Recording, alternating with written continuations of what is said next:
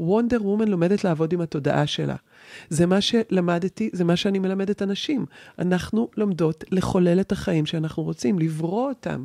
עכשיו, זה, זה עדיין אומר שאנחנו נפגוש את נקודות התורפה שלנו, וכשנסכים להסתכל עליהם, אז אנחנו נשאל מה ואיך אני יכולה לקבל את העזרה, איפה העזרה האופטימלית שלי נמצאת, יקום יקום, אני מסכימה לקבל עזרה.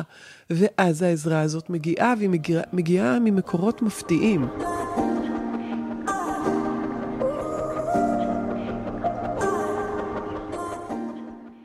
ברוכות הבאות לפודקאסט מאישה לאישה מעבירות את חוכמת השבט. בעולם העיר מבוסס תוצאות שמושתת על ערכים זכריים, אנחנו אנשים שמתפקדות על הרבה כובעים, בית, משפחה, עשייה עסקית, קל לנו ללכת לאיבוד, להתרחק מהטבע ומהקול האמיתי שלנו ולשכוח את עצמנו. פעם, אנחנו הנשים היינו נפגשות כמדי חודש באוהל האדום. שם היינו מתכנסות יחד, משתפות ומורידות מהלב שלנו את מה שיושב עלינו. שם היינו גם חולקות ידע ותובנות אחת עם השנייה, ונזכרות בעצמנו. החוכמה הזאת עברה מאישה לאישה, מסבתא לנכדה, מאימא לבת, עד ש... עם השנים, העולם התפתח וחוכמת השבט העתיקה הלכה ונעלמה. והיום, החוכמה והתובנות האלה כבר לא זמינות לנו. הבקשה שלי באמצעות הפודקאסט הזה היא להחזיר את הרע ליושנה, לאחד את השבט הנשי, לאפשר לכל אישה ואישה להיתמך על ידי חוכמת השבט ולקבל את הרפואה, התובנות וההשראה מהשבט הנשי שלה. אני מיטל פרייברג לוסטיג, מומחית לתת מודע, מרצה, אומנית יוצרת תכשיטי עוצמה, אימא, אשת איש ומנחת הפודקאסט מאישה לאישה. אנחנו הולכות לשמוע כאן נשים עוצמתיות, מאורות השראה, ולדבר על הקשיים, התובנות ופריצות הדרך שאפשרו להן לצמוח בחייהן, כדי שגם את תוכלי להיזכר שמותר לך להיות מי שאת, שאת עוצמתית וחזקה ויכולה להתמודד עם כל אתגרי החיים. מאישה לאישה. יאללה, מתחילות. נירית, תגידי, אם היינו יושבות עכשיו באוהל האדום. ומסביבנו, כמו באוהל האדום, מלא נשים. והיו מדברות איתך על משהו שפיצחת בחיים שלך. או משהו שעבר דרכו, או איזה שיעור שהנשמה שלך הגיעה איתו והוא כזה שזור בסיפור חייך. מה זה היה הדבר הזה? Mm. אני מניחה שהייתי מדברת על זה שפשוט לאהוב. זה, אני חושבת, השיעור הגדול שלי הוא שיעור ב, באהבה ואפשרויותיה, הוא בשיעור ביכולת שלנו לקרוא את השדה ולדעת אמ, שכוונותיו הן בסך הכל טובות. ובאמת, ולפגוש אנשים במרחבי הלב. כי נראה לי שבזה אני מתמחה, ממש, לאורך החיים שלי, אבל זה לא היה פשוט, כי זה, זו תנועה שבאה מ...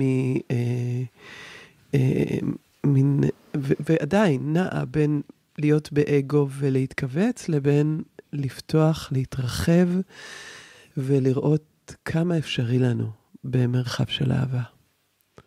אז uh, אני חושבת שעל זה הייתי מדברת, ואני חושבת שאפילו פחות ממדברת, הייתי פשוט מזמינה את כולן לחוות.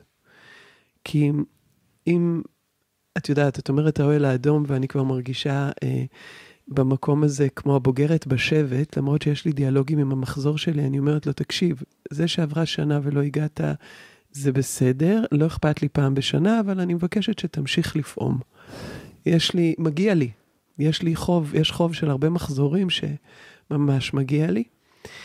אמ, ובעיקר הייתי אומרת שהשראה של מי מאיתנו שכבר מכירה את מרחב האהבה, היא השראה מדבקת. ולכן הייתי אומרת, בואו ניתן ידיים, או נדמיין שאנחנו נותנות ידיים, ורגע אחד נשהה בתוך uh, מרחב האפשרויות של הלב.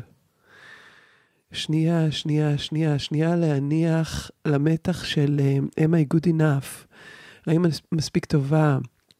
האם כבר עשיתי את מה שהייתי אמורה לעשות? פשוט נשחרר את הכל לאדמה, ו... ננשום את האפשרות הפשוטה לאהוב אותנו כי אנחנו קיימות, כי אנחנו כאן. ולאהוב אחת את השנייה כי אנחנו קיימות, כי אנחנו כאן. וזה ממש ממש מספיק. Hmm. מקסים, תודה לך על זה. תודה לך.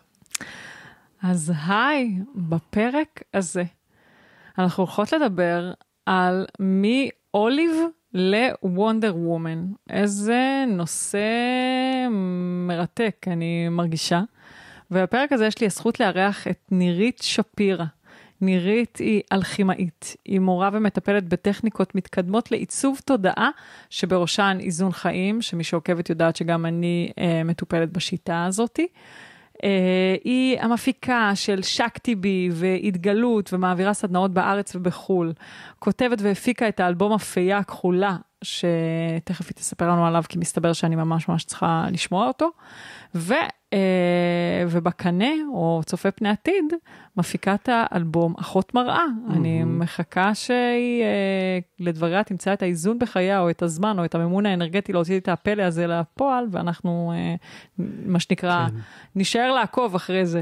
אז uh, אני אגיד, uh, מלבד באמת כל הטייטלים האלה, נראיתי אישה מעוררת השראה שצועדת uh, באומץ, ב... בדרך של uh, התפתחות, ואנחנו מכירות כבר הרבה שנים, ויש לי את הזכות uh, לשבת uh, בשורה ראשונה ולשאוב השראה מההתפתחות שלך. אהובה, באמת. וגם באמת לא פעם uh, להתייעץ איתך וליהנות גם מהחוכמה שלך. היו רגעים במסע שלי להיריון, ורגעים מייאשים ביותר שבהם פניתי אלייך לעזרה ותמיד היית שם, אז, uh, אז גם תודה על זה. אני מתרגשת שאת פה, ממש, ואיזה שיחה, איזה נושא ככה נתנו לשיחה, אני מרגישה שאנחנו... אני אשאל אותך, אמרת מאוליב לוונדר וומן. זה נושא חיינו. ובזמן שאמרת את זה בחוץ, דן אמר לך, מה, אמר לי, אה, את הולכת לספר את הסיפור שלך? ואז את אמרת, אבל זה, זה הסיפור, זה גם הסיפור שלי. זה נורא מעניין. מה, מה זה מבחינתך אה, להיות אוליב? אוליב?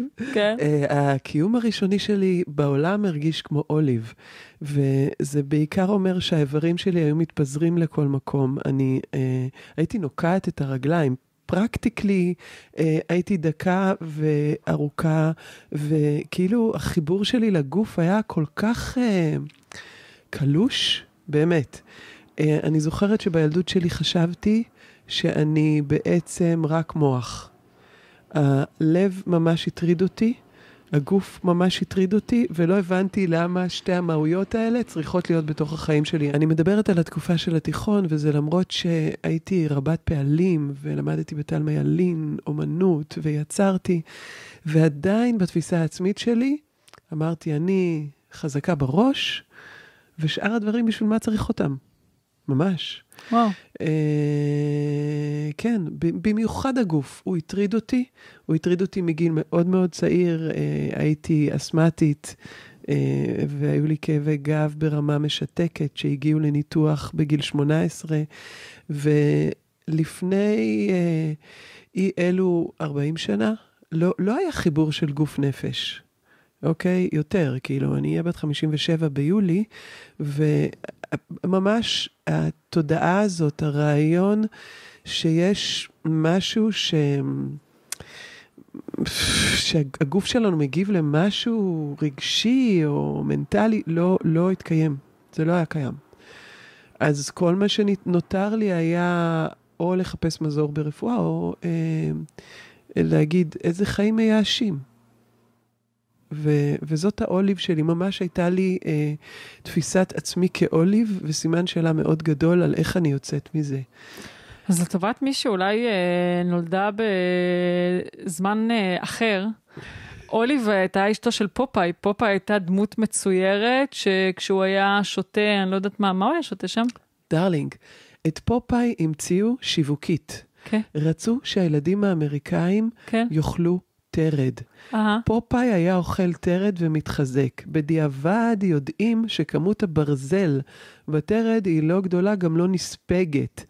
אבל פופאי היה ממש ממש תעלול שיווקי אמריקאי שנועד לדחוס לילדים אלים. ומה היה הקטע של אוליב? אוליב הייתה אשתו חסרת עמוד השדרה, הנמרחת all over, מתפרקת לחלקים. כן, אה, היא הייתה מה, הקונטרסט שלו? זאת שאוכלת לא בריא ומתפרקת כאילו? היא הייתה מין יצורה חלשלושה ומרעישה. אז אני אגיד לך איך אני תפסתי את אוליב, ולפחות איך אוליב אה, שיחקה תפקיד בחיים שלי. אה, אוליב הייתה יפה, דמות יפה כזאתי. ואני גם גבוהה ורזה. כשאני הייתי בתיכון, או בכלל, אה, מאז שאני זוכרת את עצמי, תמיד היו רואים אותי, תמיד הייתי נראית. גם החברות שלי היו כאלה נמוכות, ותמיד היו רואים אותי ותמיד הייתי נראית. ובגלל שהדימוי העצמי שלי היה נמוך, הערך העצמי שלי היה נמוך, לא ממש אהבתי את אור הזרקורים עליי. וכל הזמן הייתי מתכופפת. כשהגעתי לתיכון, זה היה ממש, אה, אה, שיסו, שיסו את אוליב נגדי, מה שנקרא. כאילו, היו, היו צעקות סביבי של שטוחה, שטוחה, איזה שטוחה, איזה שטוחה, ואוליב, כמקור ל... שאני חוויתי אותו כמקור לעלבון. רק שנים מאוחר יותר, אה, יצא לי, מתוך מקום של ערך עצמי נמוך, לממש איזה פנטזיה, פנטזיית נעורים למישהו שהיה צעיר ממני בכמה שנים, שפשוט אמר לי, את אה, אה, נתפסת כאחת הבחורות היפות בבית ספר. ואני כזה, זה היה בשבילי, מה? על מה אתה מדבר? כאילו, היו מדברים עלייך שאת כאילו היפה של ה... מהיפות של הבית ספר, היפה של הבית ספר. ואני תמיד הייתי מסתכלת על היפות של הבית ספר, ומקנאה בהם. את יודעת, בדיוק היום עניתי על שאלה ששאלו אותי בסטורי. מישהי שאלה אותי, תגידי, את אה, מסתכלת על נשים אחרות ואת מקנאה בהם, בעיקר על המראה שלהם? ועניתי לה, האמת שלא, כאילו, היום לא, היום אני ממש מסתכלת על עצמי, ואני עפה על איך שאני, אני חוגגת אותי, אני עפה על איך שאני נראית, אני חוגגת אותי באקסטרים, אני חוגגת אותי עם כיסויי ראש, אני חוגגת אותי עם כובעים, אני חוגג, אני ממש חוגגת אותי, ולא מקנאה בנשים על איך שהן נראות, אבל אם כן מתפלקת לי קנאה, כי זה אנושי לקנא, אז אני מוצאת שבתקופות שבהן אני נגיד יותר אה, נדרשת לתפקידי אימא, או לא יכולה לתת ביטוי לאנרגיה הזכרית שלי, אני יכולה להסתכל על uh, מורות דתיות אחרות ולקנא שהן מופיעות בכנס כזה או אחר ואני לא נמצאת שם, או לקנא שהן uh, באיזה מסע כזה בחו"ל, uh, כזה או אחר בחו"ל, וכאילו לקנא בזה, במה שהן מגשימות, במה שהן מממשות, אבל כאילו באיך שהן נראות, זה לא, זה ממני והלאה, זה, זה היה, אבל זה כבר לא. אז, אז זאת האוליב שלי. זה ענק, אוקיי, אז לא, אז אני, אני לא, כל כך לא הייתי במודעות שאין לי מושג בכלל איך אחרים ראו אותי, אבל הייתי tomboy. זאת אומרת, אה, באמת גדלתי עם אה, חוסר, אה, עם ניטרול מוחלט של המיניות שלי, בגלל זה, את יודעת, שטוחה וזה, אני, הציצי שלי התפתח רק כשהייתי בהיריון. כן. אוקיי? כאילו, לפני זה הוא לא חשב שיש לו איזשהו שימוש, וגם בגלל שלא היה גוף נפש, אה, ואני אה, ראיתי אה, דוגמאות של נשיות שלא ממש נראו לי כמו משהו שאני רוצה להיות, אז פשוט ניטרלתי את כל הסיפור הזה מהחיים שלי, ולא קיבלתי מחזור. אני חושבת שבגיל 17 לקחו אותי לבית חולים לבדוק, והרופא אמר את המשפט המדליק, אה, אני לא מבין. Uh, כל המערכת פה, ורק אין, הוכח, אין הוראה לפעול. וואו. אוקיי. ואני חייכתי לי, באמת, כי כולם היו בפאניקה סביבי, מה קורה, מה קורה, ואמרתי, טוב, ואז התחלתי לקחת גלולות כדי לקבל מחזור. בגלל זה אמרתי שיש למחזור שלי הרבה חוב, כי הייתי לאורך כל החיים מקבלת מחזור או פעם בחודשיים, שלושה, חצי שנה, או נניח אם הייתי הולכת לסדנה, ואז בסוף הסדנה הגוף שלי היה אומר, את מהממת, עשית תהליך של התפתחות ומגיע לך מתנה. את יודעת, זה קטע מה שאת אומרת עכשיו. כי הרי היה פה אה, את האירוע, יום הולדת שלי, האירוע נשים, האוהל האדום. ואוהל האדום, זה לא היה, זה האירוע של מאישה לאישה. וזה היה אירוע בסימן ריפוי רחם. ואני לא קיבלתי מחזור, הריון, הנקה, אה, שנה ושבע, פלוס אפילו. וממש אנחנו מגיעים לקראת סוף היום שאני אמורה להעביר את התהליך של הריפוי רחם. אני נכנסת לעשות פיפי לפני התהליך, טאק, הגיע האדם. אז, אז זה ממש מגיב לנו. אני, את יודעת, הייתי משועשעת. זה כמו יש בי חלק שמסתכל על הגוף שלי ואומר, וואו, הוא מתנהג כמו פסנתר. ממש. אני עובדת עם אנשים בקליניקה, ואני יכולה להגיד לבן אדם, אתה יכול להתחיל לנשום? כי אני נחנקת. וזה נורא מצחיק, אבל אני ממש יכולה להרגיש את האנשים לידי בתוך הגוף שלי. שזה, כשזה לא במודע, זה מאוד קשה. זאת אומרת, אני חושבת על זה, אני מסתכלת על הבת שלי, הפיה הכחולה אפרופו, ואני אומרת, וואו, אני מניחה שהמון מהרגשי, למה לא רציתי להיות, למה אמרתי הרגש הזה הוא מטרד והגוף הזה הוא מטרד? כי לא ידעתי בכלל איך לעבוד איתם, לא היה שום כלי לזה. אי אפשר היה לגעת בי, אגב, אי אפשר היה לגעת בי, בטח לא בגיל התיכון. אה, שנים חשבתי שאולי הייתה פגיעה מינית בחיים האלה, ויכול להיות שהייתה, אני לא יודעת. אני יודעת שהייתה ב-1940, 41, 42, ותגידי לי, אבל לא חיית אז, אבל באיזונים הראשונים שנעשו לי ב-life alignment, בטכניקת איזון חיים, הגענו לתאריכים שהם לא, לא מפה, ואני, בלי להבין ובלי לדעת, פשוט התחלתי לצרוח ולבכות, וגם חלק ממני הסתכל על זה ואמר, מה זה הדבר הזה? למה אני צורחת ובוכה? כאילו, השדה הרגשי שלי הגיב, הגיב, הגיב, הגיב, בלי שאני מבינה בכלל למה ולמה. וזה היו, אני זוכרת את האיזון שג'ף עשה לי, שהיה על פחד רדיפה. הוא אמר, זה לא רק בשבילך, זה לכל העם היהודי. הייתי בת 28. הייתי בת 28 כשהאיזון הזה היה, ואני רק אומרת כמה היה צריך להתנקות מתוך השדה שלי וממשיך להתנקות לאורך השנים. אז שזה רק אומר שמאז שאיזון חיים הגיע לחיים שלי, נפתחו לי, התפיסת מציאות נפתחה לא רק לאיך אנחנו יוצרים את החיים האלה, אלא למה לקחנו מחיים מקבילים, כי מבחינתי אין חיים קודמים, יש חיים מקבילים, והחיים, אני נעה עם אנשים גם במרחבי הזמן, אחורה וקדימה. יש הכל, הבת שלי יודעת מה היא תהיה עוד 150 שנה, והיא מתארת את החיים שלה בפרטי פרטים. אמרתי לה, מזל, כי אני יודעת שזה בסדר שיהיו לך ילדים ונכדים, כי אני מבינה שהעולם ממשיך להתקיים. אוקיי? Okay? אבל אה, החיים, בקיצור, החיים שלי נראים היום לגמרי אחרת, והשפה שלי היא לגמרי אחרת. אבל אם אנחנו חוזרות אחורה אל הסיפור של המחזורים, אה, אני, אני כל כך דיכיתי את זה, ש, שמבחינתי נשארתי אה, פיטר פן, וזה הדימוי שלי אחרי אוליב. את יודעת, אני נורא מזדהה עם הדברים שאת אומרת. גם כששאלתי אותך לגבי מה זה אלבום הפיה הכחולה, אמרת, זה אלבום שמתאר את חוויית החיים של אנשים רגישים.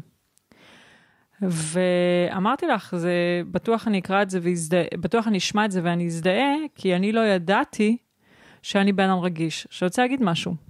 יודעת, אני חוויתי את uh, חוויית החיים שלי בכמעט 30 שנותיי הראשונות רק, רק ראש. כל הגוף שלי כאב בגלל שהייתי רק ראש. ולא ידעתי שיש גוף. עכשיו, אני גם לא ידעתי שסגרתי את הרגשות שלי. ו... אה, שזה הזיה, קוראים לי מים של טל, קוראים לי מי טל, אני כל כולי רגש. אני לא ידעתי שסגרתי את הרגשות שלי, כי הייתי בן אדם מאוד רגיש. וזר לא יביד, אנשים לא מבינים מה זה להיות בן אדם מאוד רגיש. אני אגיד שכשהתחלתי להעביר תהליכים התפתחותיים, אחרי שהתחברתי לרגשות שלי, באמת הייתי מרגישה את הרגש של הבן אדם שאני עושה מולו כרגע אינטראקציה בתוך הגוף שלי. והייתי בטוחה שכולם ככה. היום, כשאני מגדלת ילד כזה, אורי הוא לא כזה, נער אור הוא כזה, שהוא מרגיש את הרגשות של האחר, אה, אני ממש אה, מתקשרת לו שידע אה, מה שלו ומה לא שלו. זאת אומרת, כש, כשאורי מתחיל לבכות ונער אור אחריו, כי אני קולטת שהוא מרגיש אותו עכשיו, אני ממש מלמדת אותו לעשות הפרדות. אבל עדיין נשגב מבינתי איך זה להיות ילד שרגיש מדי, שגדל בעולם הזה שבו כל כך הכל סוער סביבו. אנחנו קוראים לזה ילד רגיש מאוד, ויש על זה ספרות. כן. אה, לא הכרנו אותה. אה, זה מקפיץ אותי קדימה בזמן מאוד מאוד. אה, כבר להורות עם דניאל, זאת הילדה השנייה. אני רק אגיד שבתוך הדרך שעשיתי מאוליב, אוקיי, אל מקום של עוצמה ושל מודעות, הגעתי, הלכתי ללמוד למדתי קולנוע בהתחלה, אוקיי? שזה מבורך, כי מעבר לזה שאני נהנית לשחק בזה לפעמים, אז אספתי משם את ערן, אהוב ליבי המהמם, ו... והשותף שלי ביצירה, ואיש פשוט מתנה לאנושות בעיניי, וזה חלק ממרחב האהבה, זה ה- הלימוד של איך אנחנו, איך יוצרים זוגיות שהיא ארוכת טווח, והיא מתפתחת, והיא חוגגת חיים, והיא... יש בה הפתעות. אני חושבת שאחת ההפתעות זה זה שהוא הכיר אותי אה, סטודנטית מבריקה לקולנוע וקולנוענית, והיום אני אה, אלכימאית, ואין לדעת מה יהיה מחר, כי אני מבחינתי קמה בבוקר ושואלת, אוקיי, אז מה עכשיו, מה בא לי? איך הוא מתמודד עם זה? דרך אגב, שהאישה שלו כל פעם מישהי אחרת? הוא ממש, אה, הוא זורם איתי לגמרי. הוא, זה, הוא גאון, הוא באמת גאון. אני בהודיה טוטאלית לו, אני אומרת, שיו, איזה מזל שזה הוא. כי, אין, הוא, הוא, הוא פשוט אה, אומר, אוקיי, מה ההרפתקה הבאה? ואנחנו נעים מהרפתקה להרפתקה. זה מהחוג לקולנוע. בסיום הלימודים שלי בחוג לקולנוע עשיתי סרט שנקרא בדרך הרוח, זה הסרט הגמר שלי, סרט דוקומנטרי, שהיה בו מפגש עם מדיומים. עכשיו, מאחורי המצלמה והילרים, זה לא היה מקובל, אני מדברת איתך על 30 שנה אחורה. זה לא היה מקובל, זאת אומרת, אני כדי ללכת לאנשים האלה שסקרנו אותי, הייתי צריכה מצלמה. כי לעמוד מאחורי מצלמה זה בסדר, ולעשות כל מיני התנסויות שישימו על הידיים, ו... ואני אראה אם אני מרגישה או לא מרגישה, זה בסדר. אימא'לה, אני מתה מפחד, אבל זה בסדר. ו... כאילו וה- מללכת אליהם אה, כגורם מקצועי, או לפנות אליהם מה כמטפלים? פתאום, אי אפשר היה. בתפיסה ההורית, נניח, אמא שלי אמרה שלא, רק אנשים שהם מקולקלים, הם הולכים לפסיכולוג, או... זה, זה לא היה רלוונטי. יש קולות בעצם- כאלה עד היום. בעצם קבלת עזרה לא הייתה לגיטימית לי, כשאני, in a way, מנותקת מהגוף שלי ולא יודעת מה לעשות. מהמם. כי אני לא מקולקלת, לא, אז כאילו, אני לא יכולה לקבל עזרה. חזק אוקיי? מאוד. ואז, ואז אה, אנחנו נגיע לדניאל, אני מבטיחה, אני זוכרת ששמנו אותה על המדף, פה בקדמת הפריים, אבל תכף. אה, אני רק פשוט מגשרת לנו אה, על הדרך, כי אנחנו בדרך מאוליב לוונדר וומן, ו, ואני בשלב הזה עוד אה, חלקית. אני בעיקר סקרנית ורוצה לצאת מהאוליביות שלי. אוקיי? כמעט בא לי להגיד מהעולב, אבל לא באמת הייתי בעולב, הייתי ענקית, הייתי מנהיגה מרגע היוולדי, אה, הייתי בוועד בתיכון, והייתי... אה, אה, עשיתי סרטים מעולים, וכאילו סיימתי בהצטיינות החוג לקולנוע. הייתי מבריקה, זה לא משנה, אבל ייחסתי את הכל לראש שלי, היצירתי. אוקיי? זה כאילו כל השאר לא, לא באמת נחשב. וכדי להתחבר עם ערן, כי יש לנו חוזה נשמתי, וגם על זה לומדים כשמדברים, אה, כשמגיעים לאיזון חיים וקרמה ו- וחוזה נשמתי וכל אלה. אז כדי להתחבר איתו למשך תקופה של כמה חודשים, יצאתי מהפתולוגיה שלי.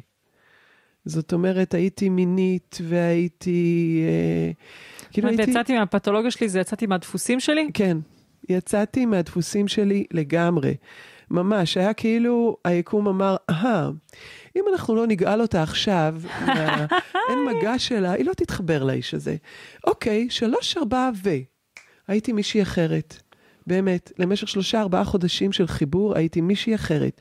היינו מסוגלים לברוח מהחוג לקולנוע, מהשיעורים, הביתה, לא אספר מה עשינו שם, לחזור. בחיים זה לא קרה לי קודם, זה לא יכול היה לקרות קודם, באפש... לא יכולנו לגעת בי ממש. היה לי חבר אחד קודם, בערך, אחד וחצי. אבל גם, כמעט בלי... זה לא, אי אפשר היה לגעת בי. והייתי נורא יפה, אבל לא ידעתי. בדיוק כמוך. ממש לא ידעתי. ואחרי שהקשר ביני ובין ערן התיישב, חזרה הפתולוגיה שלי. מסכן. כאילו, די הרבה שנים של, אה, של פחות מגע, וכאילו, בסדר, בגלל שהוא זורם. אז הוא באמת קיבל את זה, אבל זה לא היה פשוט. למה אי אפשר היה לגעת בך? אה, שוב, אני לא באמת יודעת, אני יודעת שכשהתחלתי ללמוד אה, לעשות את התהליך מאוליב לוונדר וומן, הדבר הראשון שלמדתי היה רפלקסולוגיה, כי זה היה שם רחוק ברגליים, אוקיי? שם יכולתי לתת שיגעו בי. ו... ואז הלכתי ללמוד שיאצו, ובאמצע השיאצו הגעתי לאיזון חיים, טכניקת איזון חיים, ושהיא הפכה להיות הדרך שלי, אבל הייתי חייבת לעשות את הדרך דרך הגוף, כי הגוף אתגר אותי. ואז לאט לאט יכולתי לאפשר מגע, ואני זוכרת מישהי שלמדה איתי רפלקסולוגיה, או שיאצו, שיאצו, אמ, שאחרי, שנשארנו בקשר, ואחרי שנה היא באה ואמרה לי, את יודעת, התחלתי לחבק אנשים כמוך. ואני הסתכלתי עליה ואמרתי, שיו, איזה קטע. אני בכלל לא שמתי לב שכבר זזתי ממשאלת ליבי לפרוץ את גבולות הלא לגעת, ושהפכתי להיות מישהי שנוגעת או מחבקת. וואו. וכן, לא שמתי לב שהתהליך הזה קורה, אבל הוא קרה כשנעתי בתוך התהליך של ההתפתחות. ובאמצע הלימודים של שיאצו, הגיע הכנס של MPH, שהייתה אז, אה, היה המדיומים הוותיקים של מדינת ישראל, והצעתי לצלם אותו, כי הייתי קולנוענית, וזה היה קר, ואז הגעתי, אישרו לי לצלם, והגעתי לשם, וג'ף לוין עמד על, על הבמה, ואני, הלסת שלי נשמטה, וחזרתי הביתה בוכה, שאלתי אם הוא מוכן לצלם סדנה שלו, וצילמתי ובכיתי כל הסדנה, לא תפקדתי, זה לא, תיעוד אין משם באמת. ו, ואז ביקשתי ללמוד, ו, אבל נתתי להם את הקלטות, בלי לערוך כמובן, ונעלמתי. ובעבור חצי שנה, אה, האיש שהביא אותי באמת לצלם, אה, פגש אותי בחתונה ואמר לי שהלב שלו מתרחב שהוא רואה אותי, ושג'ף מגיע בשבוע הבא אם אני רוצה ללמוד. זה היה לפני 28 שנה, או 29 כבר. ואמרתי לו כן, ומשם התחיל הרומן, והמפגש הראשון שלנו היה האיזון של 1940, פחד רדיפה לכל היהודים. איזנתי אתכן, כל מי שדואגת, אני עשיתי עבודה ממש ממש יפה, צרחתי 40 דקות, צרחתי 40 דקות. וואו. חשבתי שאין כזה דבר, כי מה פתאום אני צורחת? ההורים שלי בכלל, מבחינתם זה הכל שטויות, אז לא יכול להיות שאני צורחת. ואז כשנרגעתי, פשוט התחלתי לבכות, אי אפשר היה ללמד באותו יום יותר. בגלל שאני הייתי בהיסטריה של צחוק. אני לא הבנתי איך יכול להיות שאני שיתפתי פעולה עם הדבר הזה שעכשיו התרחש. באמצע, מנורה צ'רני ז"ל אה, ארגנה סביב המיטה שלי תקשור מתקופת מלכי צדק. כולם, כולם היו שם מדיומים גדולים כאלה. אני רק הייתי מין ילדה סקרנית ורגישה ו, ורוצה, רוצה, רוצה, רוצה לדעת, רוצה, רוצה, רוצה ללמוד. אה, רוצה להשתנות, רוצה, רוצה לפרוץ את הגבולות שלי ולחגוג את החיים שלי. ובעצם, כשהתחלתי ללמוד, בנסתר התחלתי ללמוד כי רציתי להרות. רציתי להיות אימא. והבנתי שאני חייבת לפרוץ גבולות תודעתיים כדי שזה יקרה. כי זה היה ברור לי שזה לא בגוף, למרות שכמעט לא קיבלתי מחזורים, אני מזכירה, ובאותה שלב כבר לא לקחתי גלולות. זה לא שינה לגוף שלי במיוחד. אה, שוב, מחזור פעם בחצי שנה, שנה. אז כאילו, אה, זאת הייתה עבודה, ואני שנתיים, הנושאים שלי בטכניקת איזון חיים היו רחם, children, parenting, שחלות, אה, אנשים שעבדו איתי אמרו, את לא חושבת שיש עוד תחומים? ואני לא, הייתי צריכה לפנות, לפנות, לפנות, ואז הוא נולד. אז רועי נולד, רועי בן 26 היום. אוקיי? Okay. אני מאוד uh, מזדהה. אני יודעת, כי אני מסתכלת על האנרגיה שלך והיא מאוד דומה לשלי. וכאילו, אני מזהה אותנו. זה אנשים שבאות מהיאנג אל האין. יש נשים שבאות מהאין אל היאנג, שזה בעצם השאלה של עד כמה אני נותנת לכל האיכויות שלי לבוא לידי ביטוי בעולם, אוקיי?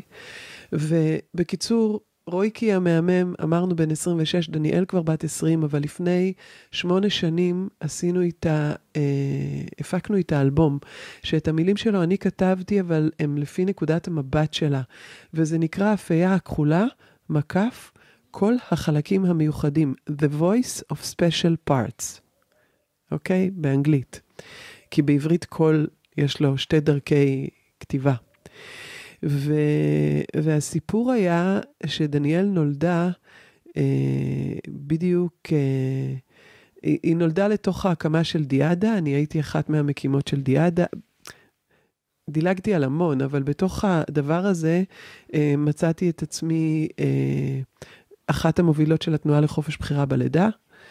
אה, והתנועה לחופש בחירה בלידה הפכה להיות משהו עם יותר אה, אדמה, כשענת אגמון, תודה ענת, החליטה לפתוח רשת מרכזים שיעבירו את המסר שלנו all over, ושם אני הייתי בכלל מנהלת של תחום הילדים, כי לכל אחת מהנשים האחרות שהייתה בהובלה, אה, היה אה, כבר כובע. את זו שתומכת באימהות, זו שמכינה את התומכות לידה, זו, כל אחד היה לה כובע, ואני אה, ממשיכה גם היום להרגיש כמו הילדה בעולם ששואלת, אז מה עכשיו רוצים ממני? וניהלתי את תחום הילדים, וממש היו שם המון המצאות שעשיתי אה, לאיך לעבוד עם ילדים בתוך משחקייה, למה זו משחקייה, לתוך זה דניאל נולדה. אה, והעברתי שעות סיפור. בכלל, היה לי פחד קהל מטורף. מטורף. ומשיכה נורא גדולה, כמו דניאל, אותו דבר, דניאל הבת שלי. כאילו, מה היא חולמת? לעלום, לעמוד על במה. אבל אנשים, אימא'לה, איזה לחץ, איזה פחד.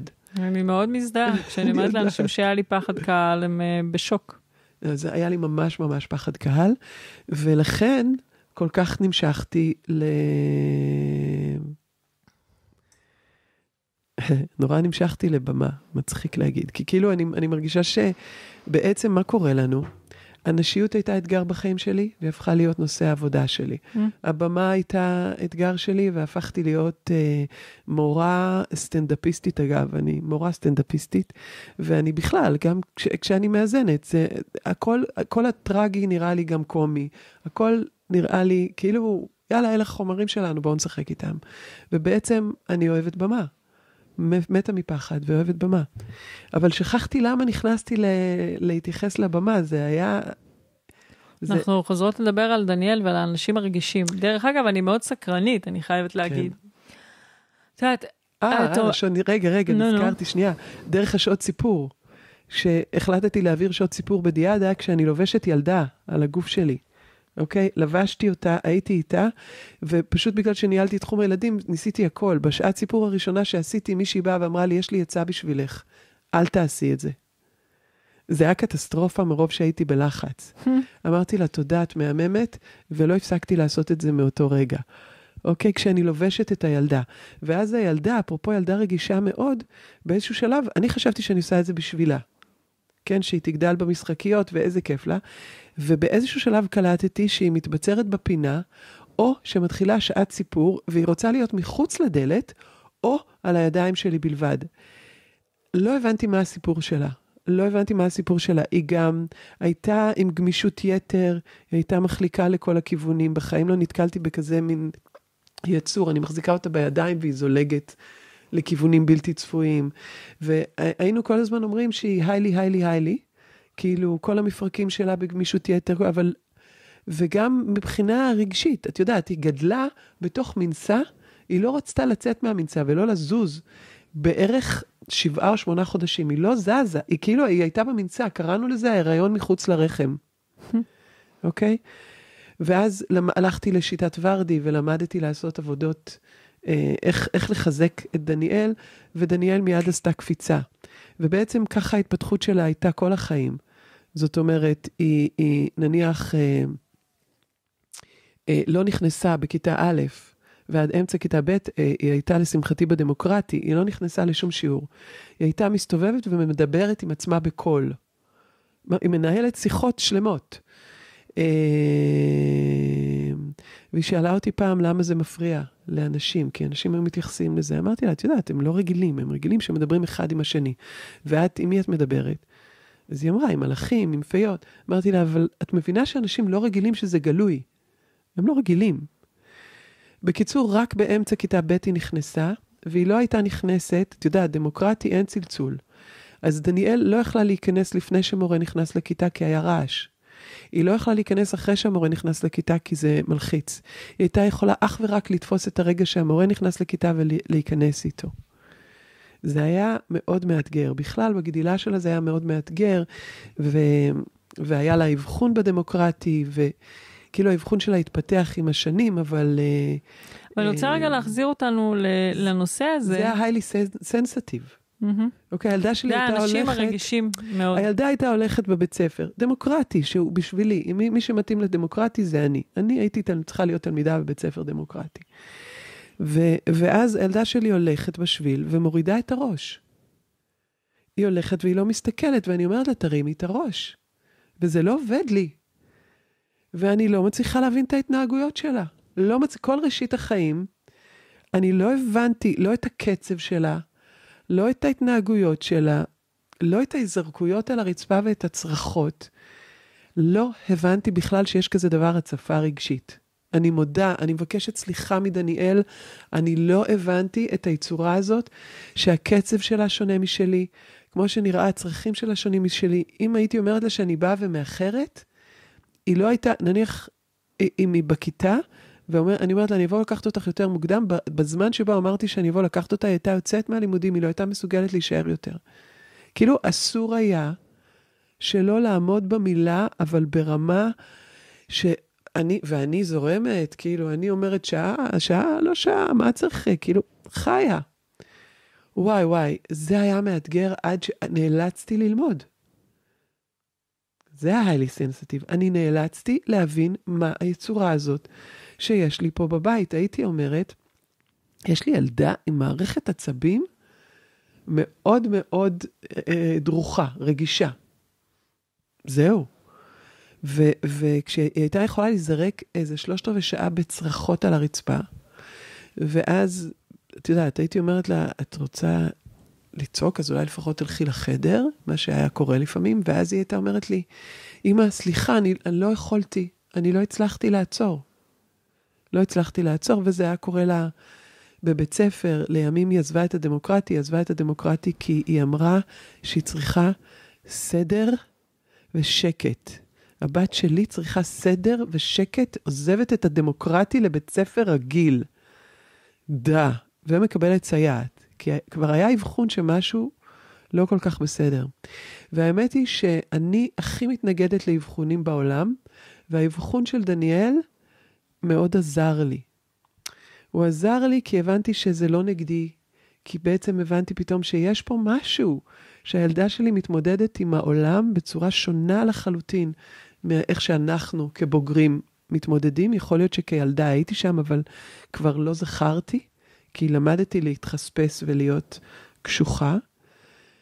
ובעצם מה שעשינו, זה כתבנו לה את האלבום כדי להשמיע את הקול שלה. וואו. כן.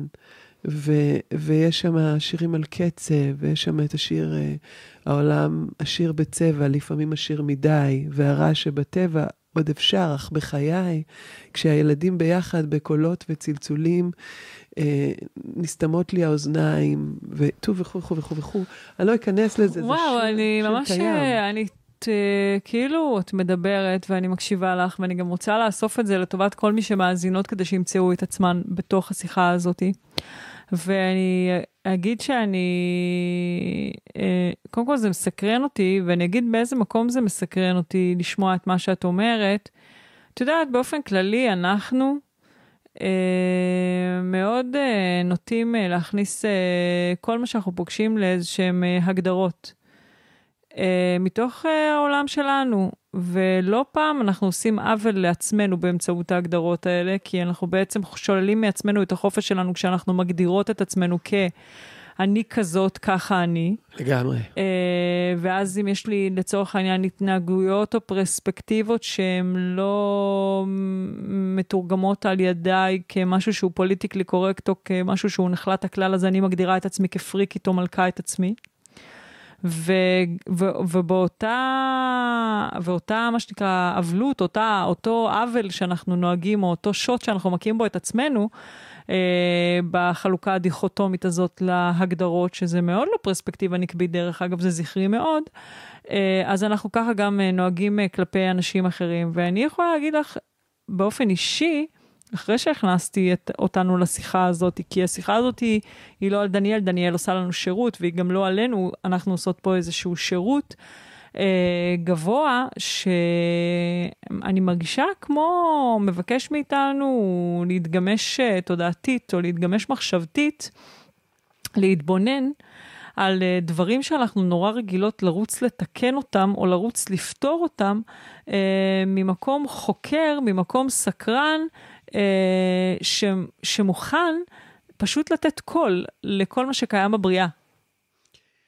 אני, מבחינתי, אה, זה... וזה אולי אפשר להגיד לכל החלקים שבנו. כן, אבל זה יותר מזה, את יודעת, כי את אמרת, אני לא אוהבת הגדרות, ואני נניח אה, אה, מסתכלת עליי, אני, אומרים לי רפואה, אני בדרך כלל כועסת, ואני נאלצתי להיעזר ברפואה כדי להרות, אוקיי? כי הרי לא קיבלתי מחזור. ו, ו, ואחר כך אומרים לי הגדרות, ואני כועסת. מי יגדיר? ובכל זאת ההגדרה של דניאל עשתה לנו טוב. היא עשתה לנו טוב כי, כי פתאום, כי, כי הייתה, משהו בהבנה שלנו נפתח. כולל אחר כך, אחרי שהפקנו את האלבום, או לתוך הפקת האלבום, היא אובחנה כעל הרצף, זה מאוד עדין. וזה היה גם גאולה בשבילה, כי בעצם היא עברה לכיתת תקשורת, והיא אמרה שזה הציל אותה. לי זה היה נורא קשה, אני בכיתי כשהכנסנו אותה לשם, כי כולם נראו לי דפוקים ודניאל לא. ודניאל, מעבר לזה שהיא מאוד לא שיפוטית ביחס לאחרים, מאוד שיפוטית על עצמה, היא אמרה לי שהילדים נהדרים. היא הייתה מס... היא מתארת לי את הילדים, והיא אמרה שזאת הפעם הראשונה שהיא חוותה את עצמה רצויה. ואחרי שהיא אמרה לנו שזה הדבר הכי טוב שעשינו בשבילה, שבועיים אחר כך היא באה וביקשה לצאת מכיתת תקשורת. היא הייתה שם בעצם בח' וט'. אמ, שנתיים. בקיצור, דילגתי לה על זין, השארתי אותה, כשהיא ביקשה לעבור מהדמוקרטי, ושם עצרנו קודם, כי היא צריכה סדר ושקט, העברתי אותה לבית ספר רגיל, בכאב לב, ואז היא שאלה אותי למה הבנות צועקות כל כך. ואמרתי לה, את יודעת, הן מתחרות על תשומת לב, תראי כמה הרבה ילדות שמים במקום אחד. כי היא הייתה, היא לא הייתה מתערבבת, היא הייתה עומדת בצד, היא לא יכלה להיות בתוך מרחב שיש בו המון ילדים, זה היה too much, הכל היה חודר אליה. אמ, ו, ו, ואז כשהיה צריך לעבור לחטיבה, העברתי אותה לכיתת תקשורת, אבל כשהיא עברה לבית ספר רגיל היא נשארה שנה, וכשעברתי אותה לכיתת תקשורת אמרו לי שזה בלתי אפשרי, אז אמרתי, אז אני לא רושמת אותה לשום מקום, ובסוף השנה החלטתי שאני ארשום אותה לתקשורת, ואמרו לי, אוי ואבוי, אבל לא נפתחה כיתה ז', אמרתי, טוב, אז לפנים משורת הדין אני מרשה לכם לרשום אותה לחטא. והיא דילגה על ז' ועשתה את ח' וט' בכיתת תקשורת, ובסוף הכית, השנה, רגע אחרי שהיא אמרה לנו תודה כי הצלנו את חייה, היא ביקשה לעבור לכיתה רגילה. אמרתי לה שאם היא מייצגת אותה, היא יכולה לעבור לאן שהיא רוצה, ולכן היא הייתה צריכה לייצג אותה ולעבור לכיתה רגילה, ואז לשמחתה היא המציאה את הקורונה, אז אחרי חצי שנה בכיתה רגילה, היא שנה וחצי יכלה להיות בבית, ובאמת אה, עם אה, שמחה מאוד גדולה על זה שהיא לא צריכה ב- להתמודד עם החברה. אבל אה, זו דניאל, ו, ובמקרה הזה זה ממש עזר, זה לא הפריע לנו, כי לא נאבקנו בתווית, רק הסתכלנו מה היא ומה הצרכים שלה. ו, ואני מכבדת אותה ואת הצרכים שלה ברמות ממש, מה שאנחנו מתפתחות יחד. היא בעיניי מתנת חיי, היא הדבר הכי טהור שפגשתי ever. היא רואה רק טוב, והיא לומדת איך לא לתת לכל העולם להיכנס, איך לשמור על הגבולות שלה. לפני יומיים עשיתי איתה איזשהו תהליך, היא, עוברת הרבה תהליכי life alignment, כולל שהיא כרגע אה, בקבוצת לימוד שמסיימת את מודול אחד, ממש, כי... אה, היא למדה בודי ספין בגיל 18, זה החלק הראשון, היום אני מלמדת את שני החלקים יחד, ולא טיפלה בזה, ו, ואז הקבוצה הנוכחית שלפה אותה מהחדר, ולא נתנו לה לחזור לחדר. הם אמרו, את איתנו, את לומדת איתנו. והיא מטפלת גאונה, וכשאומרים לו שהיא מטפלת גאונה, היא אומרת, זה בגלל שאני מטופלת מקצועית. אוקיי? okay? אני מאוד מתחברת לזה. אז את מבינה עכשיו, היא ארבע שנים לא יצאה מהחדר, היא עומדת לצאת מהחדר בגדול עכשיו. והיא תפתיע את העולם בגדול, אבל צריך להיות המון אורך רוח בשביל להבין שהיא יכולה להתנהל רק מתוך הקצב שלה. היא אמרה לי פעמים, אבל יש לי בחדר כל מה שאני צריכה, יש לי תקשורת באינטרנט עם העולם, זה מבחינת התקשורת, אני יכולה לרקוד פה, וכאילו, לא חסר לי כלום. עכשיו, את יודעת, אני כל כך בן אדם של אנשים, אני אוהבת אנשים, אני אוהבת, אוהבת, אוהבת. ואני יודעת שגם דניאל, היא באה אחריי, כן, אפילו לשקטי היא באה, והיא שרה עם המנחות של, הש... הזמרות של השקטי, היא הייתה עומדת ליד הבמה ועולה פתאום ו... ושרה בית או משהו ש... כי, החזרות היו אצלנו בבית, והיא שרה דניאל.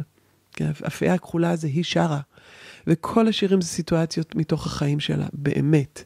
ובבת מצווה שלה, היא שרה שלושה שירים והשקנו את הקמפיין ביום של הבת מצווה שלה, זה היה בקמפיין מימון המון, ולא ידענו אם היא תשיר.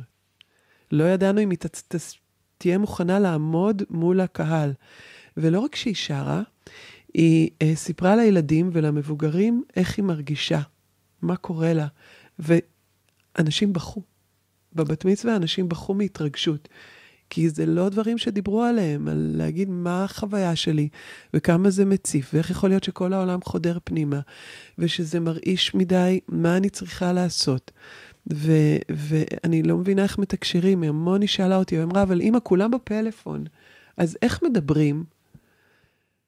וואו. ו- אני חייבת להגיד שאני נורא מזדהה עם הדברים שאת מתארת. אני מזדהה. אה, באמת, אה, אני, שייכתי את המקום הזה שאני מרגישה את כל העולם בתוכי, אה, למקום הזה שבגלל שאני פוסט-טראומה, אז נפרצו הגבולות שלי שהייתי קטנה ואין לי גבול. תדעי לך ש... אה,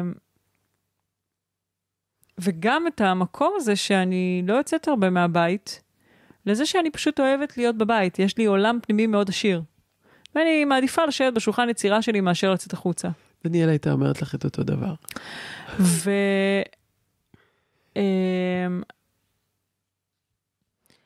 רק אה, בשנים האחרונות, בטיפולים שאני עושה עם מתאל, אה, בניתי לי גבול. בניתי לי גבולות שלא היו לי, בניתי לי גבולות, כדי שהעולם לא ייכנס פנימה לתוכי. אני חושבת שעם כמה שאפשר לחשוב שהשיחה הזאת על דניאל, כמו שאמרתי, היא עושה לנו שירות uh, לראות, לכולנו, uh, לראות את לכולנו. עצמנו. המון פעמים אנחנו לא מייחסות את המאבקים הפנימיים שלנו, היומיומיים, לאיזושהי פתולוגיה כזאת או אחרת. Uh, לצורך העניין, אני פוגשת לא מעט נשים שהן חוות דיכאון, ממש, ואני חוויתי שנים דיכאון. לא, הוא לא היה ב front שלי, כאילו לא שמתי את זה ב front, כי, כי ה mind שלי, יש לו, הוא נורא חזק, זאת אומרת, זה, זה איזשהו יתרון. הייתי מסוגלת לקום מהמיטה, את יודעת, לראות את ה... לתפקד. למשות את עצמי מהמיטה, לעשות לעצמי אופה איי של אה, טוני רובינס, say I, say yes, affirmation כאלה, ו, ולצאת מהמיטה. אבל ביני לביני אני ידעתי איך אני מתחילה את היום, וביני לביני ידעתי כמה הדיכאון מלווה אותי. רק uh, באמת uh, בשנים האחרונות, uh, בסשן עם מיכל, מיכל מילגרום בטלפון, פירקה לי את הדיכאון מהשדה, ידעתי שזהו, שזה לעולם לא יחזור יותר. הרגשתי איך הוא התמוסס, אבל שנים הוא הלך איתי, ודרך אגב, היא פירקה לי אותו משדה באמצעות זה שהיא פירקה איזשהו משהו מגלגול, לא מהחיים האלה. כן. ו... אחותי, כאילו, לקום אה, בוקר למחרת, ו... אבל באותו רגע זה התפוגג לי כבר מהשדה, ולדעת שזהו, השתחררתי מהדיכאון, אבל אני בכלל לא העזתי להגיד את זה. איך גם יכולתי בכלל להגיד את זה? כי מילא לצורך העניין, שעוד הייתי בעולם הישן שלי, שאני קורבנית ואני הישרדותית, אבל פה אני כבר מורה, אני כבר מלמדת אנשים, איך אני יכולה לצאת החוצה ולהגיד, אני בעצמי חובה ומתמודדת עם, ביטח... עם, אה, עם דיכאון? היה לי פה מלא פאסון עד שהצלחתי להוציא את זה למיכל בכלל, מיכל מילגרום פרצה אצלי את ה... פרצה אצלי איזשהו מתחם חברות אינטימי, כאילו, לא, לא הייתי משתפת בדברים שאני משתפת אותה אף אדם בעולם, כאילו, חוץ מדן. ממש. כן. Uh, אבל אני מרגישה שאנחנו אנחנו מביאות פה איזשהו קול שהוא uh, לא, לא מדובר. אז אני אבל אני רוצה שזה, אבל לשאול אותך. אני רגע, אני רוצ, חושבת שזה ממשיך את הקו של מאוליב לוונדר וומן. בול. אני רוצה לשאול אותך, את יודעת, אנחנו יודעות בעולם של תודעה, ששום דבר לא מגיע לחיים שלנו אה, סתם. שכל אה, דבר שמגיע לפתחנו, אה, שאני אוהבת את המשפטים האלה, הגיע לפתח אותנו, זה נכון. אה, איזה מסע אישי ההתמודדויות האלה זה- העבירו אותך? תקשיבי, זה קודם כל, זה שוב, זה מתנת חיי, כי אמרתי לך שאני קמה בבוקר ושואלת איזה הרפתקה מחכה לי היום, ונניח ההפקה של האלבום הפייה הכחולה לא הייתה רשומה ב vision שלי בתחילת אותה שנה. לא ידעתי שזה הולך להיות, זה פשוט נהיה מתבקש להיות שופר ל... לחוויה הזאת של עולם מציף. ואנחנו, ואז יצרנו את זה, וזה היה מגניב ליצור את זה, אני כל כך נהניתי. ודניאל שרה את זה, והיא שרה, את יודעת, הייתה הופעה בבית היוצר, שדניאל שרה ועמדה עם הידיים בחולצה כזה, הכי אנטי גיבור, את יודעת, כאילו, אה, הכי הדמות, באמת אותה דמות. ועוד אה, הופענו עם זה לאורך אה, השנה בכמה מקומות, ואז הפסקתי. והסיבה שהפסקתי זה כדי לאפשר לדניאל לצאת מההתוויות. כי כל שיר הוא תבנית רגשית. ואמרתי, מה אכפת לי? זה מה שהיא הייתה, יכולה להיות מישהו אחר. ולכן יצאנו מהסיפור הזה. אמ, ואני בעצם גדלה ומתפתחת מתוך הדברים האלה. למדתי המון. פתאום התחילו להגיע לקליניקה שלי המון אנשים רגיל, רגישים מאוד, כולל מבוגרים, שהיום אני יודעת לאבחן את רובם ולהגיד, תקשיב, ככה, זה וזה היה כשהיית ילד? זה וזה היה כשהיית ילד? ואף אחד לא יבחן אותך. עכשיו, אנחנו, אני שנגד? הגדרות, אה, היכולת להישיר מבט, ההבנה של קודים חברתיים, אה, ממש מבוגרים שמגיעים אליי, או, או, או מישהי שהגיעה אליי, וחוסר יכולת לתקשר עם המשפחה שלה, וחוסר יכולת לתקשר עם האחיות שלה, ואני שומעת, ואני שומעת, ואני שומעת, והיא דוקטור. ואני אומרת לה, תגידי לי, את, את, את, את קולטת שאתם על הרצף? אתם משפחה על הרצף, זה לא ילדה על הרצף. עכשיו, כשאני אומרת את זה, זה, אני מסתכלת עלינו כנוירו-דייברסיטי. נוירו-דייברסיטי אומר שכולנו על הרצף באיזשהו מקום. לכל אחד יש את נקודות התורפה שלו. כאילו, לא צריך להגיד אספרגר או אוטיזם, אבל כן להסתכל על זה ולהגיד, וואלה, יש פה משפחה שכולה מאותגרת תקשורת. ואז אנחנו עובדות, עובדות כבר יותר משנה על איך היא מתקשרת עם העולם. עכשיו, אקדמאית, יש לה תארים. זה לא התארים האלה, זה איך אני חיה בין בני האדם. שמבחינתי זה חלק מההתמחות שלי, זה להביא אותנו, את מי שאני עובדת איתו, לחיות ולהיות מוגשם ברמה הכי גבוהה שלו, בין בני האדם. עכשיו, לפעמים מגיעים אנשים, את יודעת, אני מסתכלת, אני אומרת, וואו, אתה חייזר לא מוסווה. אני, אני יכולה לראות שאנשים לא, לא יודעים איך להתנהל פה, ואיך לתקשר פה, ואיך בכלל להביא את עצמם לפה, ונושאים כל כך הרבה אוליביות. זאת אומרת, עליבות ואוליביות, כל כך הרבה ביקורת, כל כך הרבה קשיי תקשורת, וזה לא חייב להיות אותו highly sensitive, זה יש לזה וריאציות שונות.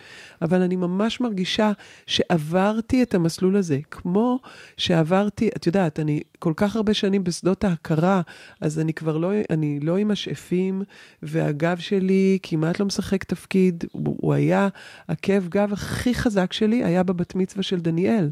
בקושי עמדתי על הרגליים, למה? כי פחדתי נורא שהיא לא תישא את זה, שזה יהיה too much. כל כך פחדתי כשאחד האורחים שהגיע לבת מצווה נתן לי חגורת גב, על השמלה שלי. כאילו, על השמלה היפה הייתי עם חגורת גב. וכאילו יכולתי לעשות את התהליך, אבל את יודעת, לפעמים אני המורה הגדולה, ולפעמים אני פשוט בן אדם שעכשיו האגו שלו נעלב והוא, והוא אה, לא נושם ובוכה, או, או, או דואג מאוד. ודניאל בבת מצווה שלה פשוט הייתה כזאת גאונה, שמעבר לרגע הזה שבו הייתה שירה, היא קפצה לבריכה, והייתה בבריכה, בפינה, עם עוד מישהו. היא לא התעסקה בלהתערבב עם הילדים. ו- והיא שמרה על עצמה, ויש משהו, אני קולטת שיש משהו ביכולת שלה לזוז הצידה ולשמור על עצמה גם עכשיו.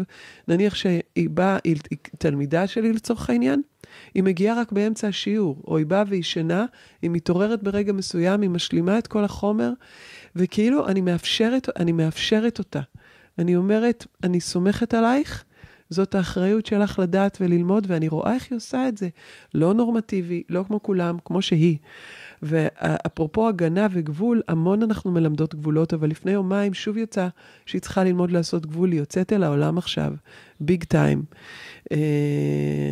אני תכף אתייחס לזה, ואני אומרת לה, נירית, אה, נירית, יופי, את רואה, זה לא סתם. לא, זה אותו אני דבר. יושבת פה ואני אני רואה אותך מגוללת באיזשהו מקום את סיפור חייך. אני יודעת, אני, אני, כי אני מרגישה אותך מאוד. ואני אומרת לה, דניאל, את צריכה ליצור גבול בריא, והיא אומרת לי, לא, אמא, אני לא רוצה. ואני אומרת לה, מה? למה את אומרת לי את זה? אז היא אומרת, עד שאני הצלחתי להוריד את הגבול, את רוצה שאני אשים גבול? אמרתי לה, רגע, רגע, רגע. למה את קוראת גבול? אז היא אמרה, לאיך שהייתי, שהייתי ילדה. אמרתי לה, אה, לאוטיזם, לשים עלייך בועת זכוכית? במסגרת... לזה את קוראת גבול. הגדרה. אמרתי לה, חסר לנו שאת זה תעשי. אנחנו לא רוצות, אבל אנחנו לא רוצות שכל העולם ייכנס פנימה. אנחנו לא רוצות. אנחנו רוצות לשח... לשנות דפוסים.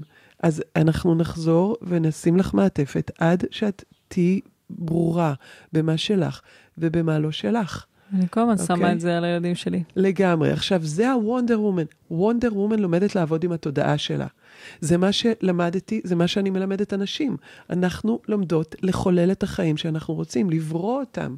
עכשיו, זה, זה עדיין אומר שאנחנו נפגוש את נקודות התורפה שלנו, וכשנסכים להסתכל עליהם, אז אנחנו נשאל מה ואיך אני יכולה לקבל את העזרה, איפה העזרה האופטימלית שלי נמצאת, יקום יקום, אני מסכימה לקבל עזרה.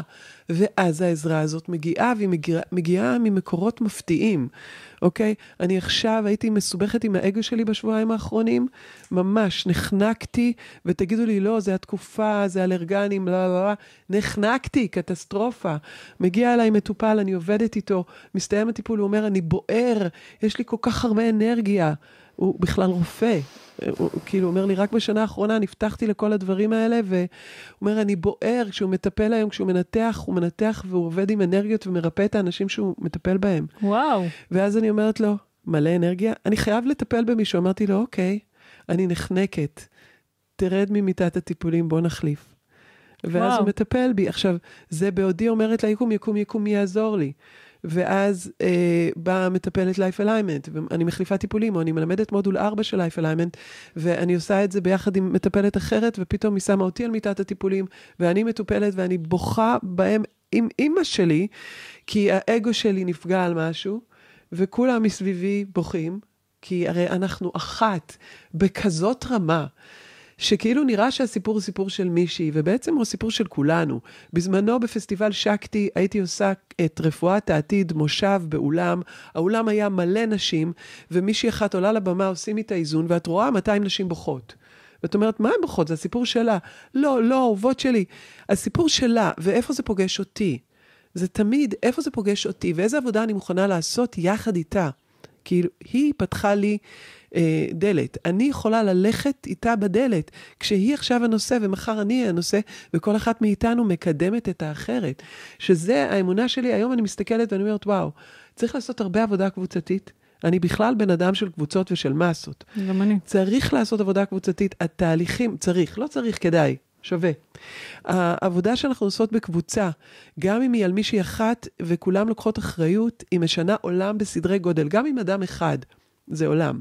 אבל אני רואה את התלמידים שלי, אלה שעכשיו מסיימים עוד שבוע את הכשרת יסודות, הם פשוט לא רוצים להיפרד. הם אומרים, מה יהיה?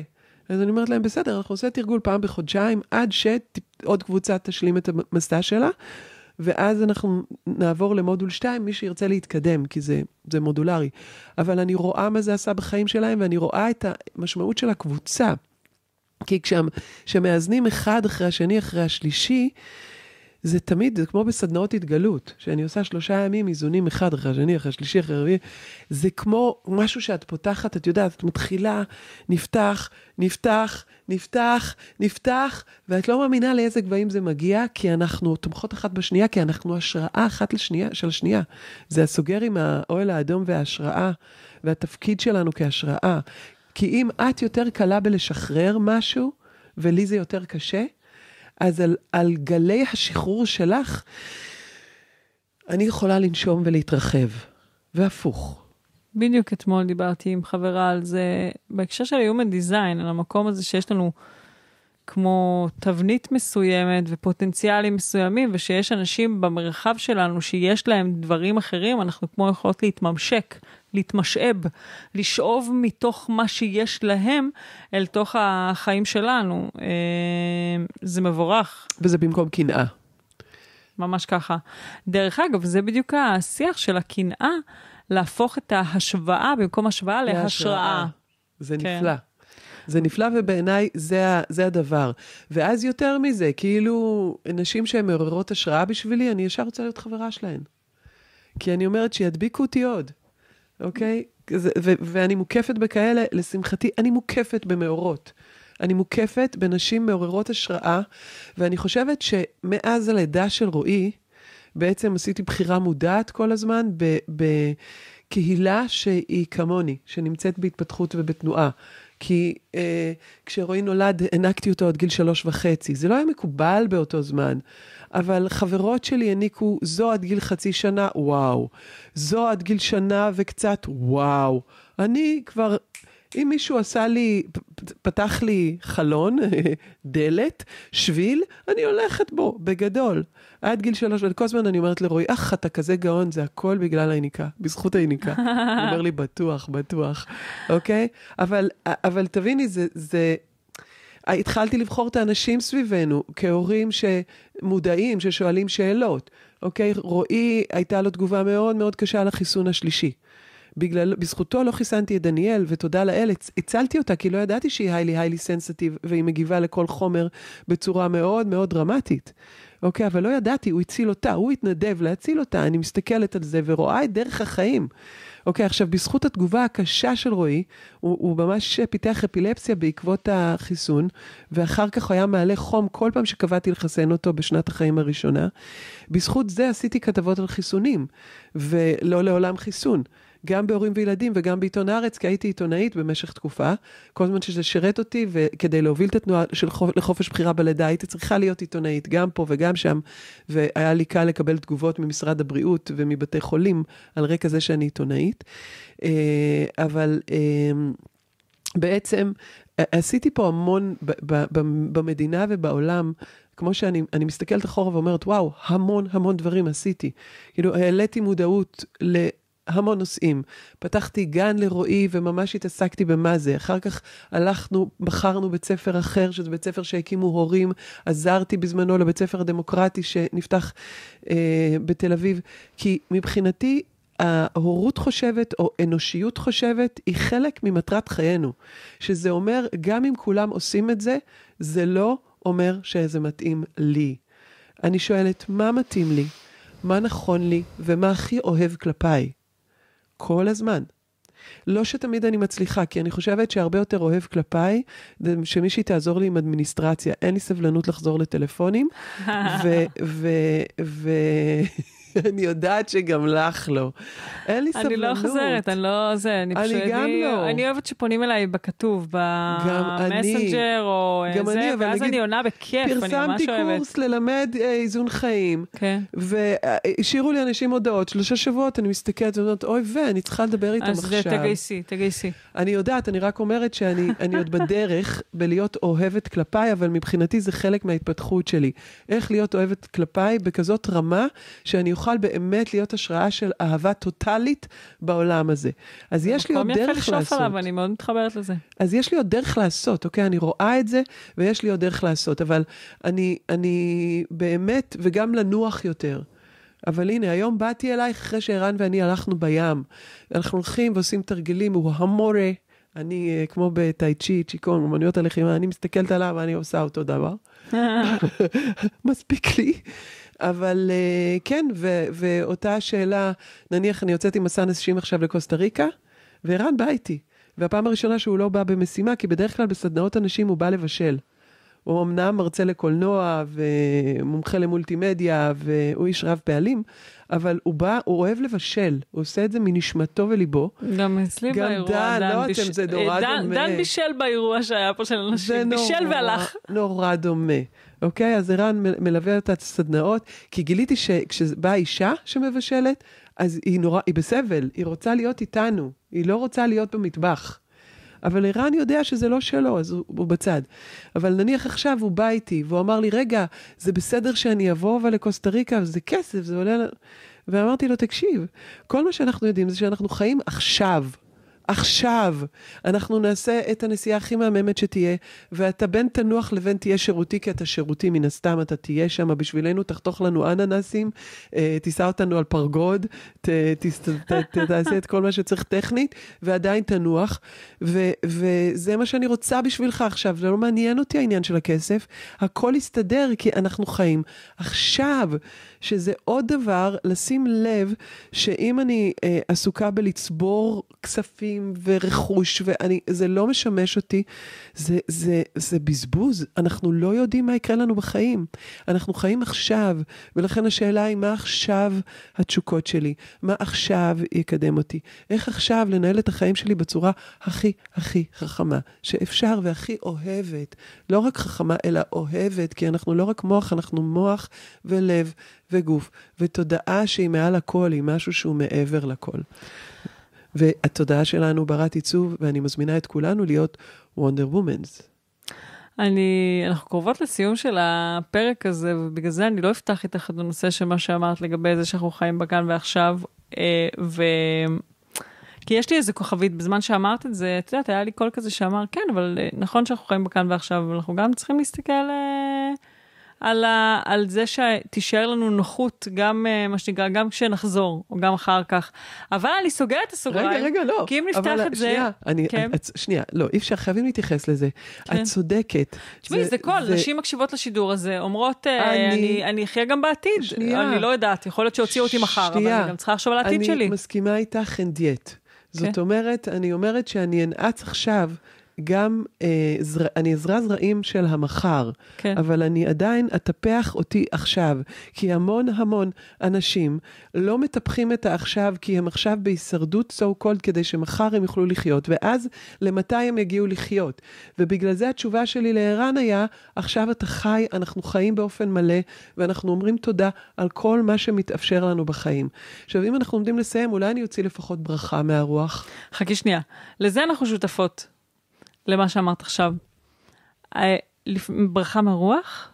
כן. אה, אני רציתי לשאול אותך אולי איזה, יש איזה איזון שמתבקש להגיע לפה. אני יכולה, אני פשוט לא יודעת כמה זמן יש לנו לפי זה, זה. אז אני שואלת, האם להוציא דבר ראשון ברכה? לא. אני עובדת עם מבחן שריר, כשאני עובדת עם בן אדם, הוא שוכב על מיטת טיפולים, ואני עובדת עם השריר שלו. כשאני עובדת לבד, אני יכולה לעשות את זה גם ככה, למדתי בקורונה לעשות את זה נורא מהר. אז אני שואלת אם יש לנו חסם, אני אוציא חסם קודם, יותר מחסם אחד, לא, הם מבינים שאנחנו בזריזות.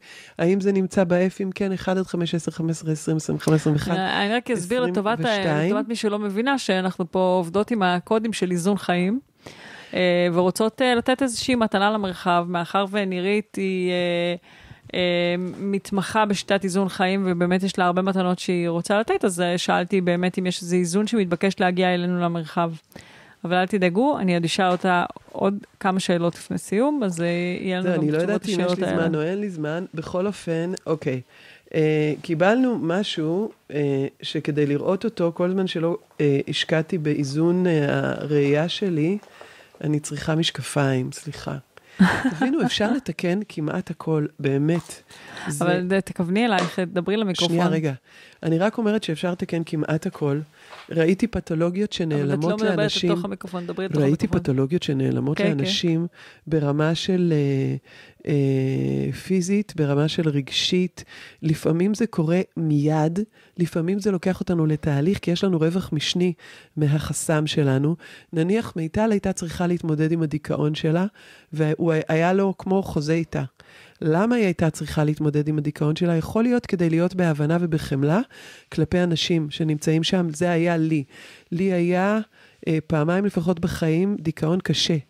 אם, אם ממש, אה, אם מישהו היה שואל אותי מה שלומי, הייתי פורצת בבכי. כאילו, והייתי אומרת, אסור לשאול אותי מה שלומי, ורגע אחרי זה לא עומדת בזה. וידעתי שזה בא ללמד אותי ענווה. כי אה, כשמישהו בחרדה, או כשמישהו בעצב או ביגון או בדיכאון, אני כל כך מבינה את התהום שהוא נמצא בה, אז אין לי שום מקום שיפוטי כלפי זה, אני בסך הכל אומרת, אני נותנת יד.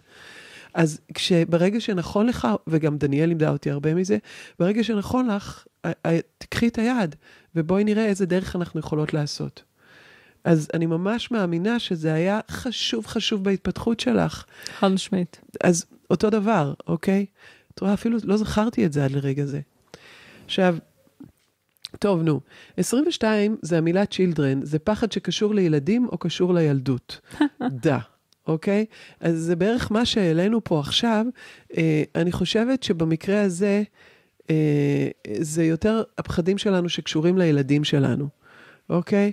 שזה, רגע, איך הוא יסתדר, והוא נורא רגיש, ומה יהיה, ו, ואיך אני אגן עליו, איך אני בכלל אמנע ממנו להתמודד עם uh, ילדים רעים, עם אנשים רעים, uh, איך אני אוציא אותו חזרה, חזקה לעולם, חזק לעולם.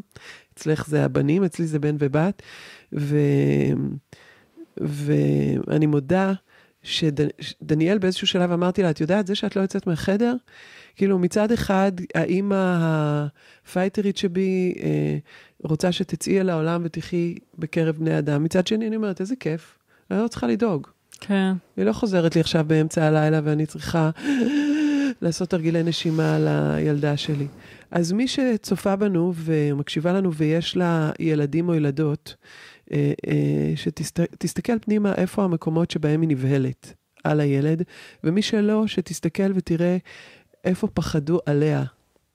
עליה, אוקיי? איפה הפחדים היו שם? אני שואלת איפה זה בגוף זונזום דיזון C, 1 עד 5, 5 עד 10, 6, מערכת החיסון. מערכת החיסון מייצגת את, את האני, מי אני ומה שמי. כי כשאני מתבלבלת, כשאני מתבלבלת ולא שומרת עליי, אה, או דואגת לי, או דואגת לילד שלי, אני מחלישה אותי, אני מחלישה את מערכת החיסון. בעצם מה קורה? תחשבו על זה. נניח אני דואגת לילד, אוקיי? ואז בעצם אני עסוקה ב- בין לכסוס ציפורניים לבין אה, לא לנשום, ואני מתקיפה את עצמי while אני דואגת לו. זאת אומרת, אני עכשיו מוחלשת על רקע ה-so called דאגה שלי לילד, שאני אמורה, לא, אני אימא שלו, אני אמורה לדאוג לו. אז לתשומת לבכן, זה היה נושא ב, בשיחה, לא בשיחה, באיזון, יום איזונים של ראויה וממגנטת שעשיתי לפני יומיים. Uh, בדיוק זה היה הנושא, ודיברנו על ההבדל בין worry ל-caring. ורוב היהודים אין להם הבדל, זה דאגה, ודאגה זה worrying, זה לא caring. caring זה אכפתיות, זה לא קיים אצלנו. I care for you? לא. I'm worried about you. אוקיי? Okay? תחשבו על השפה שלנו. תחשבו על, על השואה ועל זה שאנחנו כולנו אה, תוצרים של שואות. ואם זה ככה, אז כאילו השואה מרחפת עלינו כל הזמן. בין אם אתם זוכרות אותה כמוני, ובין אם אתם פשוט צאצאים של, ואז היא יושבת לכם על השדה. אז אני שואלת אם צריך עוד מידע. אומרים לי לא, אנחנו הולכים רק על זה כי זה ממש ממש משהו קולקטיבי, ואנחנו נתחבר לדאגה, אוקיי? תראי איזה רגש עולה בך, אוקיי? אני, אני יכולה להגיד לך איפה אני מרגישה אותה? תסתכלי איפה את מרגישה אותה בגוף, כי אני מרגישה אותה בגוף כרגע. אני בגרון, לא מרגישה תמיד. אז אני יכולה להגיד לכם שאני מרגישה אותה בצוואר הרחם. וואו. שזה המקבילה של הגרון. אוקיי? וואו. אני ממש כאילו, פתאום הרגשתי את הקיבוץ ואת השאלה של האם להביא ילדים לעולם או האם לא להביא ילדים לעולם. וואו. ולמה לא להביא ילדים לעולם? כי הוא לא בטוח. Mm. כי זה לא בטוח. כי הילדה שבי חווה את המקום הלא בטוח. אוף, רגע, אני מה זה מרגישה עכשיו את, ה, את רצפת האגן שלי, אוקיי? שזה גם הבסיס. ת, תסתכלו איפה זה בגוף, אוקיי? כי אנחנו אומרים תמיד, the issue is in the tissue. הנושא יושב ברקמות הגוף שלנו. אוקיי? ממש תנו לזה להיות נוכח. בין אם זה הדאגה לילדה שלי, אני לא יודעת, אני פוחדת, אני לא יודעת מה יהיה לה, אני לא, אני, אני לא יודעת, בין אם זה הדאגה לילדה שאני, או, או, או הדאגה ששמו עליי, אוקיי? שלא לצאת החוצה, שלא, שלא, שלא, שלא. ופשוט תנו לזה להיות בגוף. אני שואלת אם אפשר להתקדם, אומרים לי, כן, אנחנו עולות לאני בוחרת. אנחנו עושות את זה מאוד מהר. בתוך תהליך, הרבה פעמים נגיע ממש לנקודות בתוך החיים, לאירועים בתוך החיים שעיצבו את תפיסת עולמנו. ואנחנו עושים שם שינוי. כי אמרתי לכם, כל הזמנים קיימים במקביל, עבר, הווה, עתיד, so called.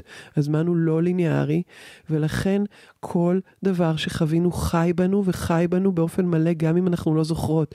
והרבה פעמים אם אנחנו לא זוכרות, הוא מנהל אותנו. ואנחנו לא רוצות שינהלו אותנו זיכרונות של טראומה שאנחנו לא זוכרות כביכול, אבל מכווצות לנו את הצוואר או את צוואר הרחם, או לא משנה איפה. אז כרגע אני עולה לשלב הבא. זה הדרך של השחרור הבסיסית שלומדים. והשלב הבא הוא מה אני בוחרת. מה את אומרת? מה אנחנו בוחרות? מה אני בוחרת? אני בוחרת uh, להיות במקום שהוא caring. אם uh, אפשר להגיד, uh, מקום שהוא אכפתי כלפי הילדים. אני, אני חושבת שזה דורש אמון. בטח. אוקיי? Okay, אני חושבת שהדבר שה, הראשון זה להאמין בהם. אני בוחרת להאמין בי ולהאמין בהם. Mm. אני בוחרת להאמין בי ולהאמין בהם. אגב, אני מסובבת כרטיסי וורטקס, זה כרטיסים שעובדים איתם Alignment, אה, זרע החיים ותעודה, לצורך העניין שני כרטיסי הבסיס שמאזנים לתוך הזמן מעבר לאיזון הידני. אה, וזאת הדרך שבה אנחנו עובדים בשלב, השלבים הראשונים, שני השלבים הראשונים. בכל אופן, אה, אני בוחרת to trust, אני בוחרת להיות באמון. תנשמו רגע, אנחנו שמות את זה ב vision board, אוקיי? כי כרגע אנחנו נגיד, אבל איך אני יכולה להאמין בו? הוא לא זה ולא זה, והוא לא שם לב, זה vision board. אתן יודעות מה זה vision board? vision board זה לוח חזון. אני בוחרת, תנשמו, פשוט תהיו איתנו, אני בוחרת להיות באמון. And to care. באמת שאני לא יודעת איך להגיד את זה בעברית. להיות אכפתית כלפיי וכלפי הילדים שלי. אני לא יודעת איך להגיד את זה. I choose to care. ממש, כאילו חסרה לי המילה. Hmm. I choose to care. I choose to care. אולי להיות בעבור. אני בוחרת להיות בעבורי ובעבור uh, ילדיי וילדים בכלל, הילדות שאנחנו.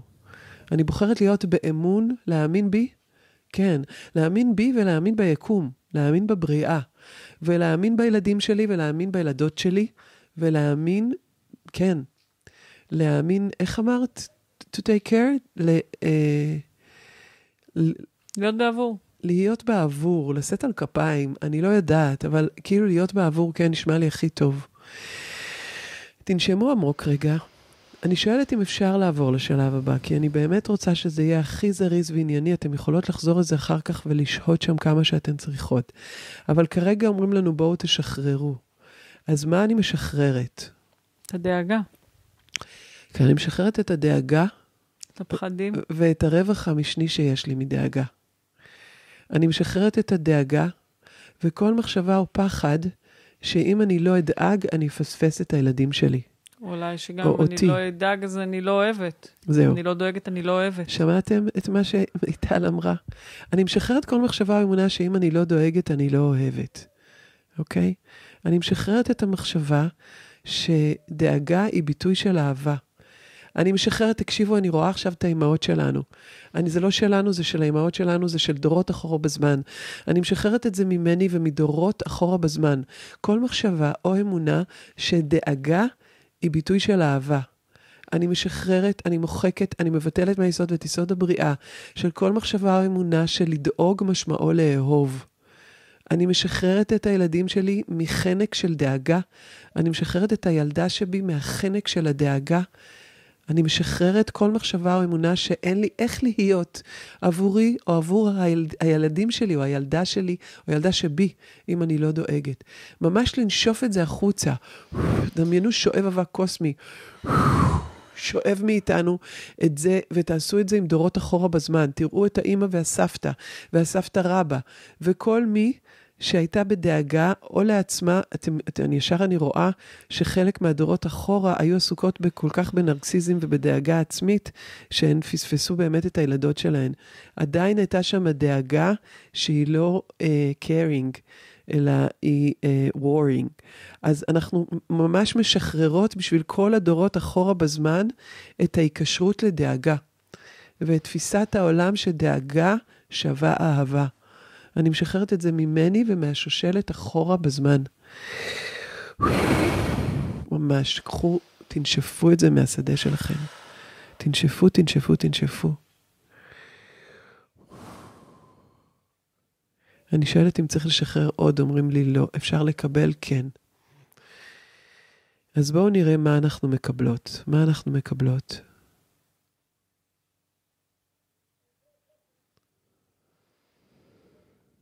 אני מרגישה שזה מפנה לנו מקום אה, להזין את עצמנו. את יודעת, אנחנו מקבלות את היכולת להזין את עצמנו וגם לראות אותנו באמת. כי נניח ממקום של דאגה, אני יכולה להגיד, כן, אולי לא יהיה לי כסף, אולי לא יהיה לי זה, ואולי לא יהיה לי זה, ואני אני נופלת לתוך איזשהו בור שחור שכולו דאגה.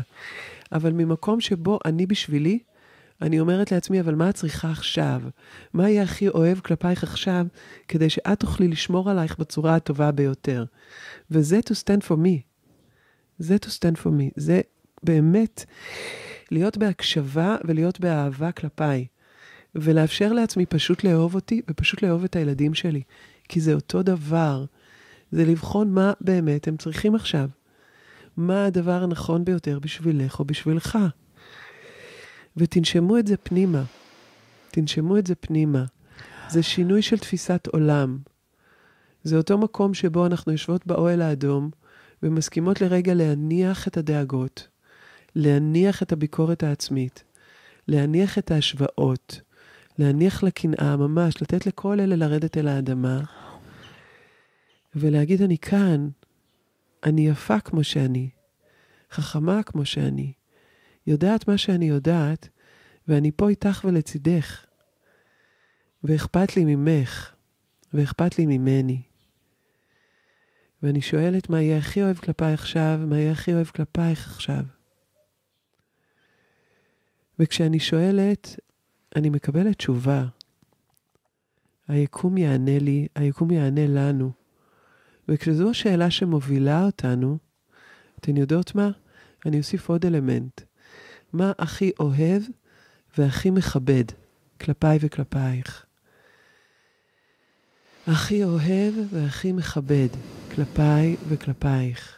אז יש את השיר לפעמים אימא דואגת, 193. מעולה, אז אנחנו נשים כאן את השיר. והוא בדיוק השיר שנכתב על הדאגה, כי דניאל הייתה כל כך פתוחה לכל האנשים מסביב, ואני הייתי נעה בין דאגה לבין, אה, אני לא יכולה להחליש אותה, אסור לי להחליש את הילדה שלי.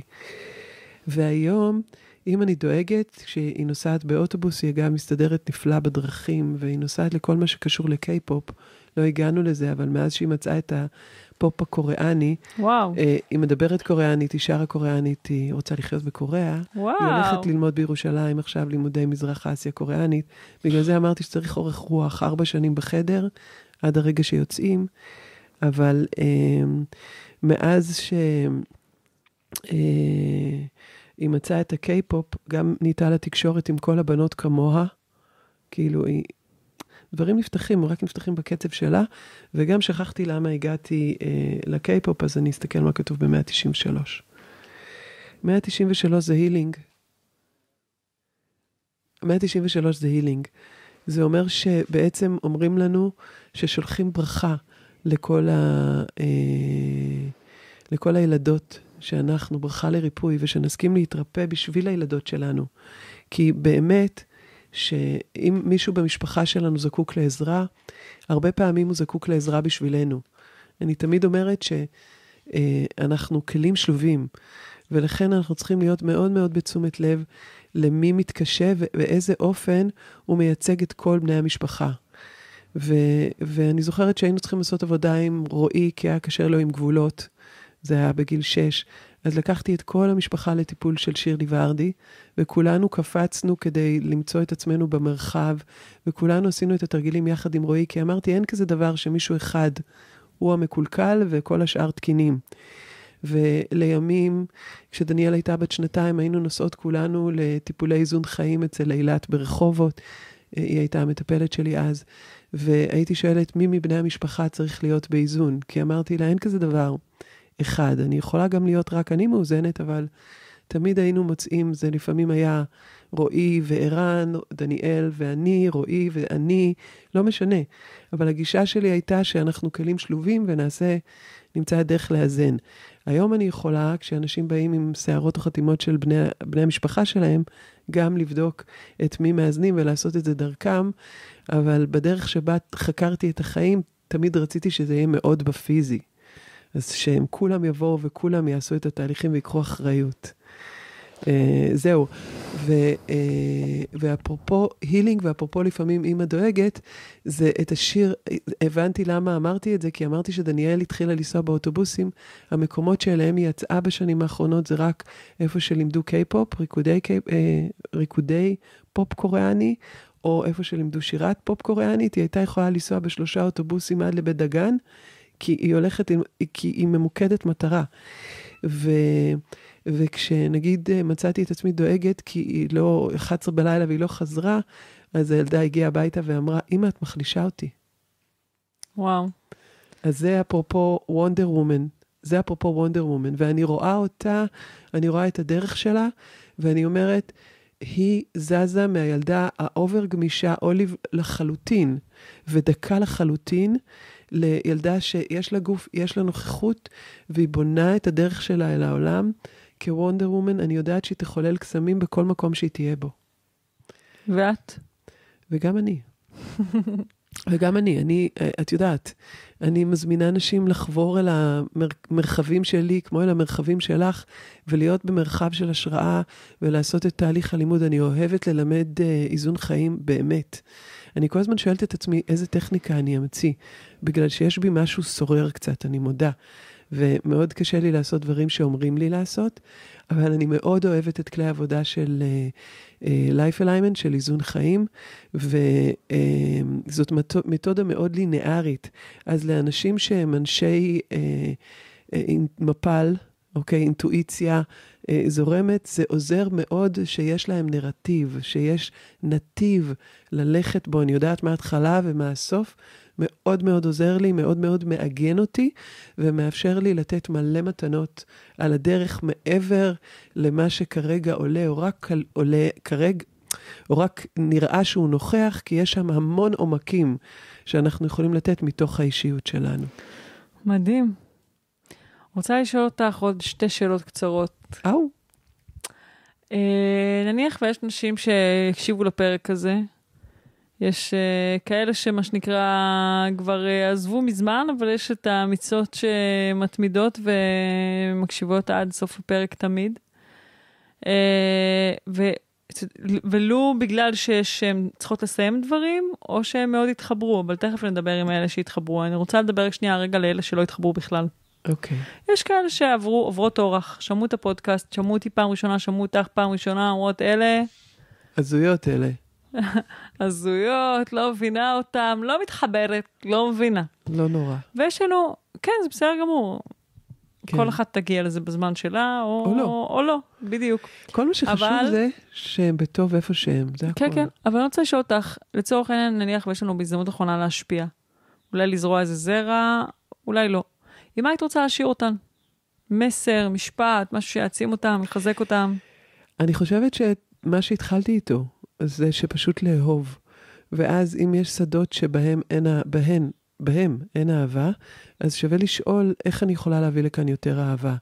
ולחפש כל עזרה אפשרית, כי אה, אין סיבה בעיניי לחוות את החיים האלה בצער ויגון. אני חושבת שהם נהדרים, למרות שאני מאוד מודעת לכל השינויים שצריכים לעשות, וכמו שראיתם, שמעתם, אני מאוד רתומה לשינויים. אני מבינה היום שגם דרך האיזונים אנחנו יכולים לשנות אדם ועולם, אבל באמת שיש כל כך הרבה דרכים וכל כך הרבה כלים. תשאלו מה אוהב כלפיי. תשאלו איך אני יכולה להיות יותר אוהבת כלפיי וכלפי האנשים בסביבה שלי, ותאפשרו לעצמכם להרים את הראש ולראות איך היקום מדבר אליכם.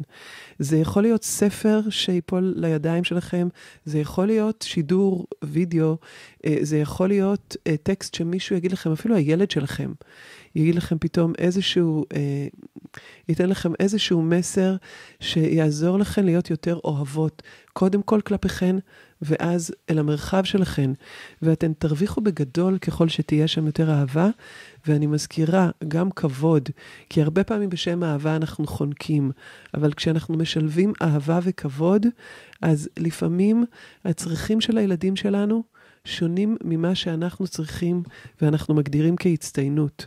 ואם אנחנו באהבה וכבוד גם כלפינו, אנחנו נגלה שלפעמים אנחנו צריכות לעצור ולא להתיש את עצמנו עד דק, למרות שההצטיינות מבחינתנו נתפסת כ-X הכנסה, X זמן עבודה וכו' וכו' וכו'. אז פשוט תיקחו את זה הכי, הכי, באמת, תשאלו מה אוהב ומכבד כלפיי, מה אוהב ומכבד כלפי הסביבה שלי, ותיתנו לחיים לדבר אליכן. ובחיי, פשוט תהנו, זה שלכם, ת, תהנו מ, מעצמכם ומהחיים, זה מספיק, די לנו בזה, תהיו השראה. מדהים. רוצה לשאול אותך, אה, נניח יש כאלה שמסיימות להקשיב לשידור הזה, ואומרות, וואו, נירית, איזה צוהר לעולם קסום ומרתק היא פתחה לי, ואני רוצה לשמוע עוד מהאישה הזאת, אני חייבת עכשיו לשמוע ממנה עוד. איפה, לאן אני יכולה ללכת? יואו, את מהממת. לא, זה, אין, אין דיבור איתך. קודם כל, יש לי כל יום ראשון תוכנית שנקראת ניסים נינוחות ונחת רוח, בשמונה וחצי בערב בשקתי במרחב אהבה. ואני קוראת לה ניסים נינוחות ונחת רוח דווקא בגלל שאני מבקשת ללמוד נינוחות ונחת רוח. וכמעט תמיד אני מגיעה אליה ברגע האחרון, יש כשלים טכניים, ואז אני צריכה לשבת ולהגיד, אוקיי, ובכן, היום אנחנו, וזה מדליק בעיניי, אה, ללמוד איך אני יכולה to take care על האנרגיה שלי באותו הרגע. אבל באמת שיש אה, מרחבים שונים. אה, מי שרוצה לבוא לסדנה של איזונים יומית, אתמול הוצאתי פרסום, עוד לא ממש פרסמתי, יום לפני היום הולדת שלי, השביעי לשביעי, החלטתי שאני עושה התגלות יום ואפשר להצטרף אליי. טוב, אני לא יודעת מתי הפרק שלנו נצא, אני חייבת להגיד. וואלה. כן, כן, כי יש לנו לא כמה משנה, פרקים שהוקדמו קדימה, תקשיבי. אבל אני אשמח אם נשים כישורים, ואז... אפשר uh... לשים כישורים, אפשר לבוא ללמוד אצלי. יש לך יום הולדת בשביעי לשביעי? בשמיני לשביעי. וואו. מתי את? אני, לא. מה, את היית. 25 לחמישי, כן. את, את עם דניאל, דניאל, לא עם דניאל, עם רועי. הילדים שלי נולדו, היא בתשיעי למאי והוא ב-29. דן בתשיעי למאי, ווואו, איזה חזק. אז היא בתשיעי למאי, שור, כי היא האדמה שלנו, דה. כאילו, איזה אתגר זה חיה כחולה בתור uh, אדמה. והוא ב-29 הוא תאומים, ואני סרטן וערן קשת, אז יש לנו את כל האלמנטים, ולכל אחד מהאלמנטים יש עבודה מאוד רצינית בשביל לייצג את האלמנטים, את האלמנט שלו על האדמה. תקשיבו, okay. אוקיי. לא בעיה למצוא אותי. אה, יש מלא אפשרויות לחבור אל השדה שלי. אני כל הזמן יוזמת רעיונות, אין לדעת מה יהיה מחר, זאת אומרת, אני לא באמת יודעת מה יהיה אחרי השידור שלך. אולי אני אמציא טכניקה חדשה, אולי, אה, כן, אולי אה, אני בכלל אעבור לתחום אחר. אז כל זמן שאני פה, אתן מוזמנות להצטרף ולהיות במרחבי השראה. אה, ולבוא לרקוד, כל הזמן רוקדים. אני מקווה שאני אמשיך את זה. אבל בחודש האחרון התחלנו לעשות את Transmotion. שזה אה, בשדות ים, לקחתי אה, מין אה, מ-9 בערב עד 11 בימי שני, ואני עושה את הארבעה שלבים האלה, אני מוציאה ברכות וחסמים. אנחנו רוקדים עם מוזיקה טובה, פופ, דאנס, טראנס, לא משנה, מה שאנחנו אוהבים. עושים את התהליכים הרגשיים, כל אחד עם עצמו לוקח אחריות, ואז יש מסיבה, וזה מגניב לאללה. אוי, מדליק. טוב, אני אשמח אם נשים כישורים. זה ממש מגניב לאללה, ואני עושה את זה לגמרי כי בא לי לרקוד עם אנשים בתוך תהליך במרחב שאין בו עישון, ויש בו רצפה טובה, ויש בו מוזיקה טובה. אז זה מהמקום הזה פשוט בפאן. איזה מגניב. אבל הנה, זה דוגמה למשהו שלא היה לפני חודש. ואגב, סנג'רתי את ערן, אז כתבתי שנירית וערן שפירא עושים את זה, ולכן הוא נאלץ לעשות את הליינאפ, וגם את כל הדברים הטכניים, הוא מדגים, סוגר מזגן, פותח מזגן, סוגר חלון, פותח חלון, מדליק אור, סוגר אור, ואני חושבת לעצמי, איזה גאונה אני שכתבתי נירית וערן שפירא.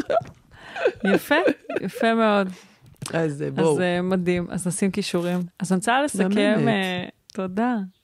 אז אני רוצה לסכם ממש ממש בקצרה, כי אנחנו כבר, וואו, מלא זמן כאן, אחרי שירדנו כבר, פרקים הצליחו להצטמצם, ודן כזה תמיד אומר לי, יואו, זה כבד, ואני לא מצליח להעלות את זה, וזה מתעכב. בסדר, הכל מדויק, כל מה שהיה צריך לעבור פה, זה מה שעבר. אז אני אגיד uh, שאני מרגישה שהפרק הזה היה המון בשבילי. אה, ואני בטוחה שמי שהקשיבה לנו נתרמה. דיברנו פה על, אה, על חוויית חיים של... אה, שלנו, בני האדם, על איך שאנחנו חווים את החיים, ודיברנו על אנשים רגישים שאולי לא יודעים שהם רגישים, ועל איך הם חווים את החיים. רגישים מאוד. רגישים מאוד, כן, אני מאוד מתחברת לזה. דיברנו על איך להגיע ממקום שהוא פחות שיפוטי ויותר סקרן. אה, למפגש עם החיים, למפגש עם אנשים, למפגש עם עצמנו, להיות במקום שמצליח אה, ליותר אה, למוסס את הדואליות ואת השיפוטיות ואת ההגדרות, ולעבור למקום שחיים שיש בהם אפשור ואהבה. אה, מקום שמכבד את התנועה שלנו ואת הקצב שלנו. אני חושבת שהסיפור של דניאל נותן לנו השראה אה, למקום שבו לפעמים אנחנו גם מסתכלים על עצמנו, גם מסתכלים על העולם, גם מסתכלים על אנשים אחרים, ולא באמת יודעים על מה אנחנו מסתכלים. ותזכורת להיות בענווה ולתת, גם לאפשר לעצמנו לעבור את התהליכים שלנו בקצב שלנו.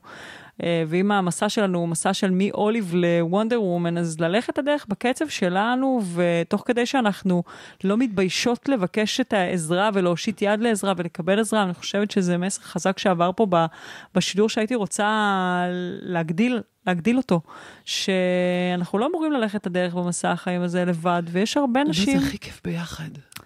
הרבה נשים והרבה מסגרות שיכולות לעזור לנו, ולא להתבייש uh, ב...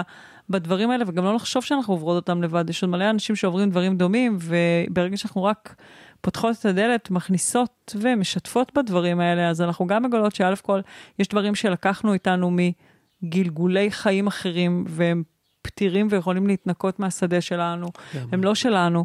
ו- וגם uh, דברים שברגע שאנחנו עושות uh, כמו שלום עם הנפש שלנו, ולא מנסות כל הזמן לשנות אותה, לשבור אותה ולהתאים אותה לאיזושהי תוכנית או תבנית, uh, אנחנו יכולות למצוא את מה שנכון לנו ומיועד לנו, ולהשפיע את האור שלנו במרחבים שבהם אנחנו אמורות להשפיע אותו. נכון, ושבאמת יש מלא חוכמה בסביבה שלנו, ושווה לנו להיות בהשראה שלה. מדהים. שווה לנו להרוויח אותה. ואני אני ממש, אני מזמינה אותך, לס... השיר של לפעמים אימא דואגת, זה שיר שעשינו, לג... זה מין סרטון, יש לי סרטון כזה שעשינו לגיוס הקמפיין בזמנו, לפני שמונה שנים. ואז יש שם את דניאל, ש, שאומרת שהאלבום הזה זה בשביל ילדות כמוה, שלא כל כך מסתדרות בעולם. אני חושבת ששווה להשאיר את זה, למרות שאין גיוס כרגע, זה סתם, זה לא רלוונטי, אבל פשוט כי זה ממש נוגע. אז תראו אותה ותדעו שמאז ימי האוליב שלה, היא הולכת ומתחזקת, ו-she's going to be marvelous wonder woman. באמת שהיא תהיה וונדר וומן ענקית, אני כבר חווה אותה עכשיו כמטפלת ענקית, אני רואה אותה, והיא תהיה, תהיה גם קוריאנית ענקית. whatever החיים מתכננים לה והיא להם.